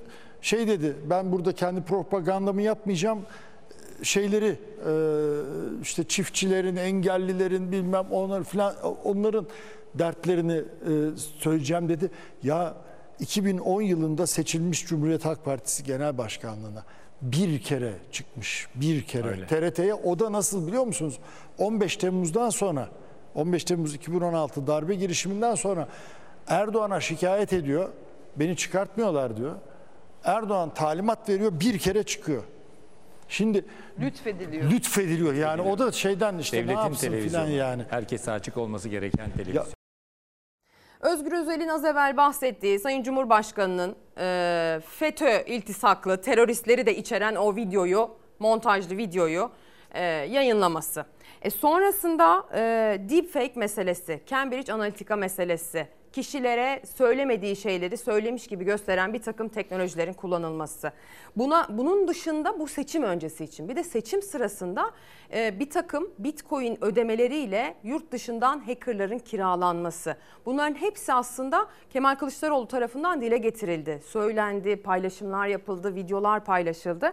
Bugün ve yarın bu iki konuyla ilgili çok önemli. Bir beklentiniz var mı? Buradan bir çıkış gelecek mi bunlara dair? Ya şöyle elbette ellerinden geleni artlarına koymayacaklar ama en sonunda Anadolu deyimiyle cürümleri kadar yer yakacaklar. Çünkü insanlar 21 yıllık bir iktidarı 21 yılın sonunda yaptıklarıyla yapamadıklarıyla değerlendirirler ve bir karar verirler.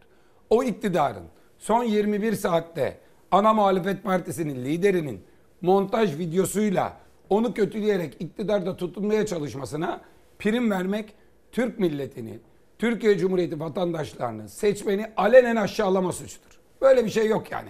Ben bunu yapacağım da. Bugünden sonra hangi yalan video gelirse gelsin, hangi rezalet ortaya atılırsa atılsın bunun kamu vicdanında bir karşılığı yok. Bakın dün akşam Manisa'da, Manisa'nın bütün ilçelerinde yapılacaktı da polisin müdahalesiyle 4-5 ilçeyle sınırlı kaldı. Sahte Sözcü gazetesi dağıttılar. Sözcü gazetesini taklit etmişler. Sözcü gazetesinin manşetinde İyi Parti'yi, yan tarafında CHP'yi, Millet İttifakı'nı kötüleyen ama nasıl yalanlar? Yani Sinan Ateş cinayeti ortada. Meral Hanım Sinan Ateş cinayetinin hesabını soruyor. Onlar bir başka ülkücünün cinayetini işleyen kişiyi Meral Hanım'ın milletvekili adayı yaptığını sahte sözcü gazetesinden duyuruyorlar. Cumhuriyet Halk Partisi'nin işte biraz önce bahsettiğiniz ne kadar ipe sapa gelmez hakaret, iftira varsa birinci sayfaya basmışlar. Böyle sayfalarca sahte sözcü gazetesi. İşte Salihli'de biraz önce yolladılar. Salihli'de sanayi sitesine atmışlar. Bütün Kırkağaç'a dağıttılar. İlçe başkanımız Özcan Bey suçüstü yaptı onlara. Manisa'da dağıtılırken dağıtan dükkan belli. Ee, işte çuvallarca polis gitti el koydu müdahale ettik. Bütün gece bunlarla uğraştık. Sahte Sözcü gazetesine tenezzül ederek iktidarda kalmaya çalışan birilerine bu millet yüz vermez. Vermez. O yüzden ne yaparlarsa yapsınlar. Ha bunun dışında dört kademeli ciddi koruma kalkanlığı her türlü hacker saldırısına karşı her türlü tedbirin alındığı bir sistemimiz var.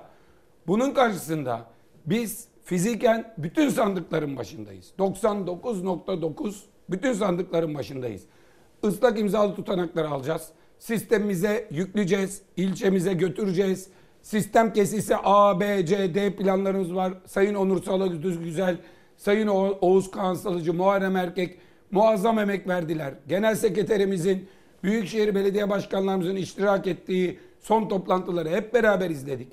Biz sistemden ve yani İstanbul 31 Mart 2019 seçimlerine ne, nasıl hazırsak bugün de bu seçimlere o kadar hazırız sandık güvenliği Bir açısından. buçuk iki yıl önceden hazırlanmaya başladık dedi Kemal Gevşemeyeceğiz. Hem üyelerimiz hem seçmenlerimizin kulağı gözü bizde olsun. Çağrılarımız olursa o çağrılara gelin şu okulda oy sayımını hep beraber izleyelim dersek. Şu sandıklar giderken gelin siz de katkı sağlayın dersek gelsinler. Dikkatle takip etsinler. Bugüne kadar gayret ettik. Biz çalıştık. Yarın seçmen gidip kendi geleceğine tayin hakkını kullanacak. Sonrasında da hep birlikte o oylara sahip çıkacağız. Demokrasiye sahip çıkacağız. Moralliyiz, güçlüyüz. Bahar gelecek diyorduk.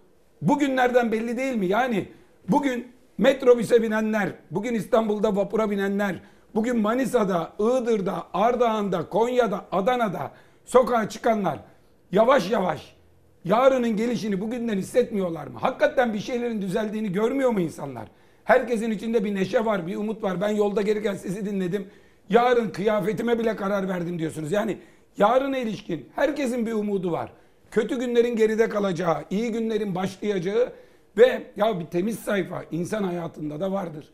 Değişim, tepdili mekanda ferahlık vardır derler. Mekan değiştirmek kişiyi rahatlatır. 21 yıldır tepemizde sürekli yoksullaştıran, sürekli azarlayan, sürekli hakaret eden. Ya biraz önce prompter'ı bozulmuş. Ya konuş işte. 21 yıldır konuşuyorsun. Prompter bu biraz hızlı mı gitmiş, geri mi gitmiş? Prompter bozulmuş. Ya Orhan diyor. Bu yeni ekipten bıktım diyor. Küfür ettirmeyin bana yine diyor. Yani küfür ediyor. Küfredecekmiş promptercılara. Biraz geri almayı bilecek diyor. Ya sen birazcık geridekini sen kendin söyle. Bizim genel başkanımız bir tane prompter olmadan kullanana da bir şey demiyorum ya. Ama prompter durdu diye durdurup da küfredeceğim şimdi denir mi? Buna mı bağlı senin iktidarın? Buna mı bağlı senin hitabetin? Bununla mı sınırlı senin içeriğin? Yok. Her şey onun dediği gibi olacak. Hiçbir aksilik. Demokrasi tepki ve protesto rejimidir. Kendisine tepki gösteren terörist. Protesto edeni içeri atıyor. Boğaziçi'nin pırıl pırıl öğrencilerini aldı, Silivri'ye attı, yurt dışına kaçırdı. Ya video yayınladılar siz isteyin döneriz diye ya. Bu kadar vicdansızlığın, insafsızlığın ama inanın böyle kıpır kıpır kıpır bütün gençler herkes yarınki değişime hazırlanıyor. Acayip bir yüksek moral var. O yüzden bunun önünde güneşin doğmasına karanlık engel olabilir mi? Hiç kötülük iyiliği yenebilir mi? Hiç umut ümitsizliğin gerisinde kalabilir mi? Her zaman ama her zaman en sonunda iyi olanlar kazanmıştır ya. Böyledir bu iş. Kötü günler olur bilmem ne olur. Kötülükleri ve kötüleri geride bıraktığımız iyilerle birlikte iyiliğe koşacağımız bir sürece geçiyoruz. Ne yaparlarsa yapsınlar. Ne yaparlarsa yapsınlar. Yani daha doğrusu yapacakları yaptılar kardeşim. Olmadı işte. Biz kazanıyoruz. Yarından itibaren CHP demiyorum bakın. Millet İttifakı bile demiyorum. Biz kazanıyoruz. 86 milyon kazanıyor. Hep birlikte kazanıyoruz. Kaybedeni olmayan bir galibiyetin arefesindeyiz. Bugün arefe günü, yarın bayram. Demokrasi bayramı. Hep beraber herkesin yüzünün güleceği demokrasi bayramı yarın. Hı hı. Konuyu depreme getirmek istiyorum. Bir de Muharrem İnce'nin bu bahsettiğiniz süreçte nerede olduğunu da sormak istiyorum ama konuyu depreme getirmek için İyi Parti'den bir sese kulak verelim. Ece Güner İstanbul 2. Bölge Milletvekili adayı İyi Parti'den kendisi hukukçu kimliğiyle yazdığı kitaplarla da bilinir bu içinde bulunduğumuz sisteme dair. Deprem bölgesiyle ilgili projelerini açıkladı. Bu seçimde iktidar tarafından o kadar çok suni gündem yaratıldı ki esas konuşmamız gereken en önemli konuyu hiç konuşamadık. Deprem konusu. Daha sadece 3 ay önce 50 bin insanımız ki tahminen maalesef rakam çok daha yüksek kaybetti. Korkunç acılar yaşandı ve halen yaşanıyor. Bunu konuşmalıydık. Depreme hazırlık için ne yapacağız? Eğer İstanbul 2. bölgeden İyi Parti adayı olarak meclise seçilirsem önceliklerimden biri kapsamlı bir deprem yasası hazırlamak olacak ve hatta bir de İstanbul deprem yasası. Çünkü İstanbul'da risk devasa boyutta. 1.8 milyon insanımız risk altında yaşıyor. Çok kapsamlı yasalarda değişiklikler gerekiyor. Hem kentsel dönüşüm yasasından, yapı denetim yasalarında hem de merkezi bütçeden daha fazla destek gerekiyor. Şili'de ve Japonya'da yapılanları etraflıca çalıştım. Kapsamlı bir rapor hazırladım ve yasa reformu taslağı hazırladım. Meclise seçilirsem Cumhurbaşkanı Yardımcısı Sayın Ekrem İmamoğlu'yla Millet İttifakı'ndan ve İyi Parti'den meslektaşlarımla ilk hedefim bu İstanbul deprem yasasını meclise sunmak olacak ve hayata geçirmek olacak. Ki artık İstanbullular korku içinde yaşamasın. 6 Şubat gecesi yaşadığımızı ülkemizde bir daha asla yaşamamalıyız. Deprem ve felaket arasındaki fark hazırlık seviyesidir. Her insanımızın hayatı değerlidir ve bizim görevimiz hazırlıklı olmak. Deprem, deprem bölgesi. Orada nasıl oy kullanılacak, nasıl oy sayılacak ve sonrasında kazanırsanız neler yaşanacak?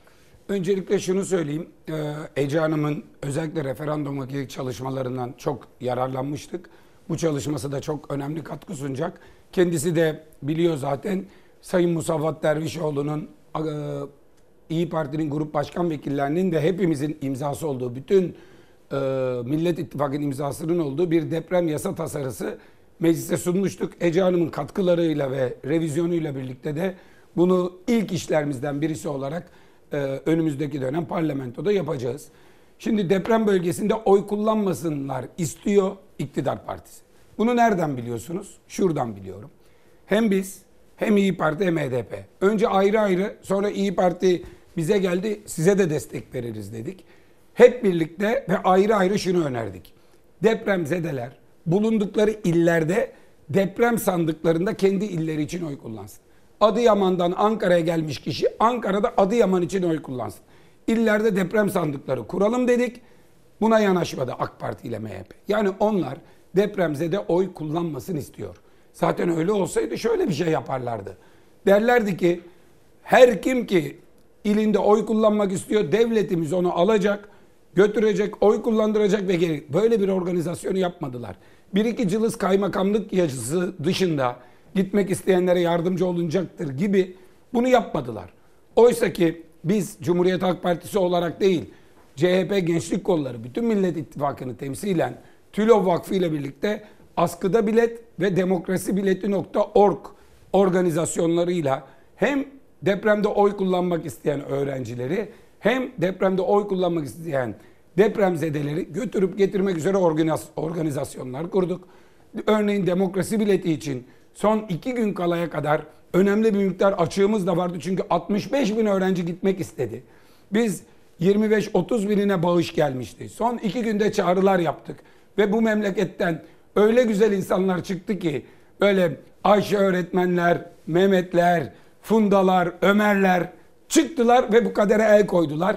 Adaleti sağladılar. Öğrencilerin gidip oy kullanması için dünya kadar bağış yaptılar. O sayede tabii ki son anda otobüs bulamama sorunları, ek sefer bekleyenleri falan var ama 63 bin öğrencimizin kupon kodları ellerinde parası ödendi ve oy kullanmaya gidiyorlar. Kendi şehirlerindeki sandıklarına kavuşacaklar. Kendi gelecekleri için oy kullanacaklar. Bizim bir gençlik kolları ve bir küçücük vakıfla yaptığımızı koca Türkiye Cumhuriyeti Devleti yapmak istemedi. İstemediler ki gelsinler oy kullansınlar. Böyle bir durumla karşı karşıyayız. Oysa ki bir ülkeyi yönetenlerin en önemli sorumluluğu bir kişinin bile oyunun kullanılmasını sağlamak ve o oya sahip çıkmaktır. Yönetenlerin mantığını görmek için çok e, böyle trajik ve tarihe kalacak bir tavır olmuştur takındıkları. Hı hı. Bir de Muharrem İnce meselesine gelmek istiyorum. Ee, kendisi çekildi. Çekildikten sonra bir takım paylaşımlar yaptı. Dün akşam saatlerinde ise eş zamanlı yapılan yayınlarda e, bir aday Sayın Erdoğan dedi ki ben kendisini aradım, görüştüm. E, bu hukuki süreçle ilgili destek vereceğimi söyledim dedi. Diğer tarafta Kemal Kılıçdaroğlu da dedi ki ben aradım geçmiş olsun konuşması yaptık çok kısa ama sonrasında mitinge davet etmek istedim. Dünkü Ankara mitingine Büyük Ankara buluşmasına ama ulaşamadım dedi. Yani Kemal Kılıçdaroğlu'nun ulaşamadığı kişiye Sayın Erdoğan'ın ulaştığı bilgisi ortaya çıkmış oldu. Ne diyeceksiniz? Yani burada ben Muharrem İnce'ye bir kusur atfetmem. Şimdi prompter durunca dünyayı oynatan, bana Muharrem İnce ile beni konuşturun dediklerinde Muharrem İnce neredeyse gidip bulup bir şekilde konuşturmuşlardır. Yani Muharrem İnce'nin bir kusurundan kaynaklanan bir şey değildir. Sanki birinin telefonuna çıkmış da birininkine çıkmamış gibi Muharrem mi okunmalı? İnce, Muharrem İnce Cumhuriyet Halk Partilidir. Grup başkan vekilliği yapmıştır. Genel başkan adayımız olmuştur. Kurumsal kimliğe son derece saygılıdır. Genel başkanımıza karşı son derece saygıdır. Ben böyle bir şey beklemem e, Tayyip Erdoğan'ın işte ben aradım falan o timsah gözyaşlarını geçecekler. O timsah gözyaşlarını geçecekler. Biz Tayyip Erdoğan'ın öyle yasa dışı kayıtlara nasıl gözlüğü takıp bakıp da yayın yayın dediğini de öyle olmadık kasetler için bu özel hayat dendiğinde özel değil genel genel dediğini de öyle mezhep tartışmalarını körükledikleri bir aşamada biz senin meşrebini de meşrebini de biliriz dediğini de bir seçim için ilkesizliğin dibine vurabildiğini, ne kadar kötü olabildiğini biliriz. O yüzden onu bir geçecek. Muharrem İnce e, adaylığını sonlandırmış. Muharrem İnce'nin sevenleri ki biz de onları çok seviyoruz. Recep Tayyip Erdoğan'a itiraz eden kişiler. Bu ülkeyi Recep Tayyip Erdoğan yönetmesin diyen kişiler. Şimdi böyle timsah gözyaşlarıyla, şirinliklerle acaba oradan ben bir şeyler yapar mıyım diye bakmasın. O insanlar samimiyetle 21 yılın sonunda Ülkeyi bu noktaya kim getirdi biliyorlar ve bununla ilgili de yarın oy kullanacaklar. O kullanacaklar oy. Tayyip Erdoğan olursa bu cendere devam edecek. Değişirse bir kere bugünden daha kötü bir şey olmayacak. Hem Muharrem İnce hem Muharrem İnce'nin sevenleri ona destek olmak isteyen gençler açısından da özgürlüklerin olduğu, protesto hakkının olduğu, Başbakanın, Cumhurbaşkanının, bütün siyasilerin eleştirilebildiği, kıyası eleştirilebildiği, şiddet içermedikçe protesto edilebildiği, kimsenin kapısına polisin dayanmadığı, kimsenin tehdit ve şantaj altında bırakılmadığı bir Türkiye olacak. E bu özgürlüklerin koridoruna girmek varken 21 yıldır içinde bulunduğun bu cenderenin içinde kal, kimsenin kalmayacağını bilir. Tayyip Erdoğan Muharrem İnce'yle de bizimle de bizim de Muharrem İnce'nin de sevenlerinin de aklından alay etmesin. Biz kimin ne olduğunu biliyoruz. Kimin ne olduğunu biliyoruz. Muharrem İnce konusunda da öyle bir algı yaratmaya çalışıyorlar. Genel başkanımızla bir geçmiş olsun görüşmesi yapılmış. Onun dışında genel başkan mitinge davet etmek için aradığında ulaşamamış. İkisi de lider, ikisinin de son derece yoğun programları var. Oradan Tayyip Erdoğan'a bir şey çıkmaz. Anlıyorum çok teşekkür ediyorum. Ee, şimdi artık bir gün kaldı. Çok kritik bir seçim. Biz özellikle seçime gidiyoruz vurgusu yapmaya gayret ettik. Toplumdaki gerginliği e, körükleyen çok fazla söz sarf edildi. Artık süremizin sonuna yaklaşırken ben biraz sizden bu ülkenin deneyimli bir siyasetçisi olarak sakinliğe ve sükunete dair e, neler söyleyebileceğinizi merak ediyorum. Onu duymak isterim.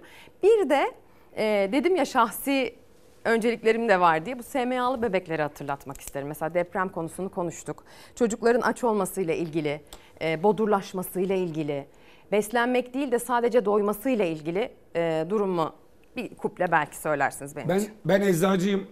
11 yıldır ülkenin bütçesi görüşürken bütçe nedir? Devletin alan sağ eliyle veren sol elinin dengesi. SMA'lı çocuğa ilacı karşılanacaksa bütçeye karşılığını koyarsan olacak. 11 yıldır ben plan bütçe komisyona muhalefet şerhi yazıyorum. Kayıtlarda var.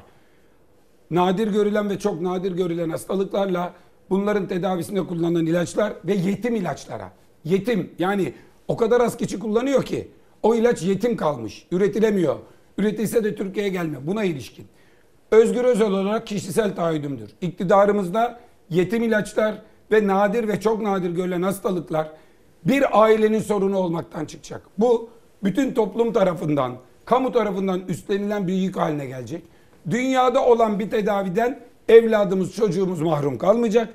Hiçbir çocuk iyi beslenemediği ya da beslenmeyle ilgili etkili ajanlara hastaysa eğer ulaşamadığı için, tedaviye ulaşamadığı için bodur, cüce veya cılız kalmayacak. Bunun sözünü veriyoruz. Bu konuda zaten partimizin yazılı belgelerinde de tarihe düşülmüş çok, çok sayıda şerh var.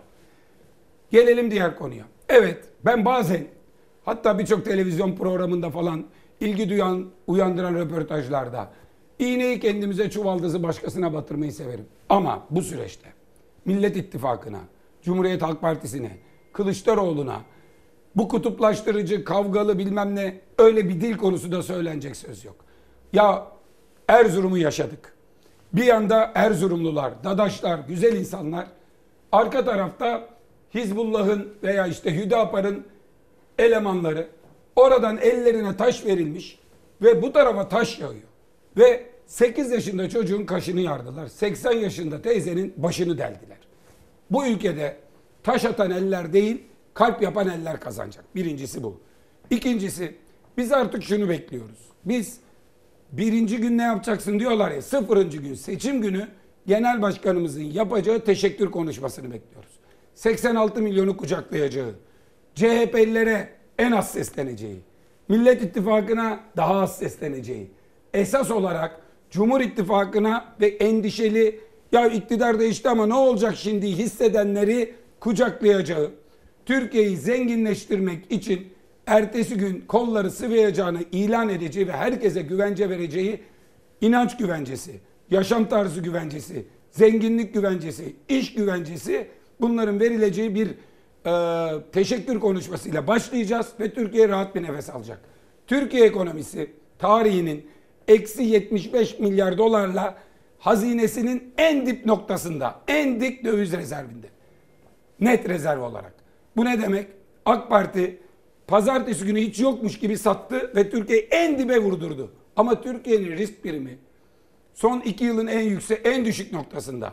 Ve borsa yüzde sekiz arttı perşembe günü. Bunun sebebi ne biliyor musunuz? İktidarın değişeceğine ve işlerin yoluna gideceğine inançla Türkiye'de risk azalıyor. AK Parti ekonomiyi en dibe vurdurduğu noktada Kemal Bey'in kazanma ihtimali anketlerde çıkınca bir aday çekilince bu işin birinci turda biteceği anlaşılınca bütün dünyada Türkiye piyasaları da her şeyin pazartesi iyiye gideceğini. Pazartesi Bir şey değişecek, her şey değişecek. Ve pazartesiden itibaren bu ülkede yaşayan herkes için daha yaşanılası bir Türkiye başlayacak. Buna inanıyoruz. Moralimiz yüksek, inancımız tam. Ya bugün Arife, yarın bayram. Pazartesiden itibaren de her şeyin daha iyiye gittiği bir Türkiye için büyük bir mutluluk içinde Türkiye'ye diyoruz ki bir parti, bir ittifak değil. Türkiye biz kazanıyoruz. Hep birlikte biz kazanıyoruz. Çok teşekkür ediyorum. teşekkür Ağzınıza ederim. Çok yüreğinize sağ olun. sağlık. CHP Grup Başkan Vekili Özgür Özel yayın konuğumuzdu. Şimdi kısa bir ara sonra devam. İnsanlar oy verdi ve oy namustur. Türk kamuoyuna bizim bir sorumluluğumuz var. O sorumluluğun bilinciyle Fox 14 Mayıs seçimlerine de hazır. Seçmen oyunu verecek, görevini yapacak. Bağımsız habercilerse o oyların sonucunu hızlı ve doğru bir şekilde Türkiye'ye ulaştıracak. Tıpkı veri akışının kesildiği, Türkiye'nin karanlıkta bırakılmaya çalışıldığı 31 Mart 2019 seçimlerinde olduğu gibi. Türkiye'deki seçmenin bir sorumluluğumuz var. Fox Haber olarak kesinlikle gitmeyeceğiz. Buradayız. Türkiye'nin haber kanalları görmüyor. Bu çok trajedi, bir dramdır. Seçim gecesi cesur ve tarafsız haberciler yine Fox ekranlarında olacak. Fox'ta seçim yayını Gülbin Tosun'la ana haberden hemen sonra başlayacak. İlker Karagöz ve Selçuk Tepeli sonuçları dakika dakika aktarırken Bekir Ağırdır seçimin gidişatını yorumlayacak. Oo Bekir Ardır da buradaymış. Patronların mesajını sana tercümeye geldi. Ayrıca Bekir abi biz buradaydık. Selçuk Tepeli geldi. Son dakika bilgileri yine Doğan Şentürk ve Tülay Ünal Öçten'de. Murat Yetkin, Çiğdem Toker, Nevşin Mengü ve Deniz Zeyrek en sağlıklı analizler için hazır. 14 Mayıs akşamı seçmen yine tarafsız ve objektif ekranda buluşacak. Fox Haber yine doğru sonuçların teminatı olacak. Oyunuzu kullanın, burada buluşalım. Türkiye'nin seçimi 14 Mayıs'ta Fox'ta. Veda etmeden önce sözlerime bu ödül için teşekkür ederek başlayayım. Uluslararası marka ve prestij ödülleri sahiplerini buldu. Ben gidemedim ama bana göndermişler sağ olsunlar. Ee, sabah haberleri sunumuyla ilgili en başarılı ödülünü vermişler bize. Çok çok teşekkür edelim. Kenara koyalım. Bugün önemli bir gün. Yarın demokrasiye dair bir bayram tadında geçsin diye temenni ediyoruz. Bugün de o zaman bayramın gerçekten bir arifesini yaşıyoruz. Biz bu güzel ülkenin, bu güzel vatanın birer yurttaşıyız, vatandaşıyız. Dolayısıyla eğer demokrasiden bahsediyorsak, buna dair bir bayram istiyorsak bir vatandaş olarak bunun gereğini yerine getirmemiz gereken, kutsal görevimizi yerine getirmemiz gereken bir günün arifesindeyiz. Yarın oylarınızı kullanın. Çalar Saat hafta sonunda son günü değerlendirelim. Kim nerede oy kullanıyor peşlerine düşelim. Siyasilerin gündemini tutmaya devam edelim. Akşam saatlerinde ise tabii ki sandıklar açıldığında herkes nerede buluşacak? Burada bu ekranda her zaman olduğu gibi burada buluşacak sevgili izleyenler. Yarın sabah 8.30'da görüşene kadar hoşçakalın.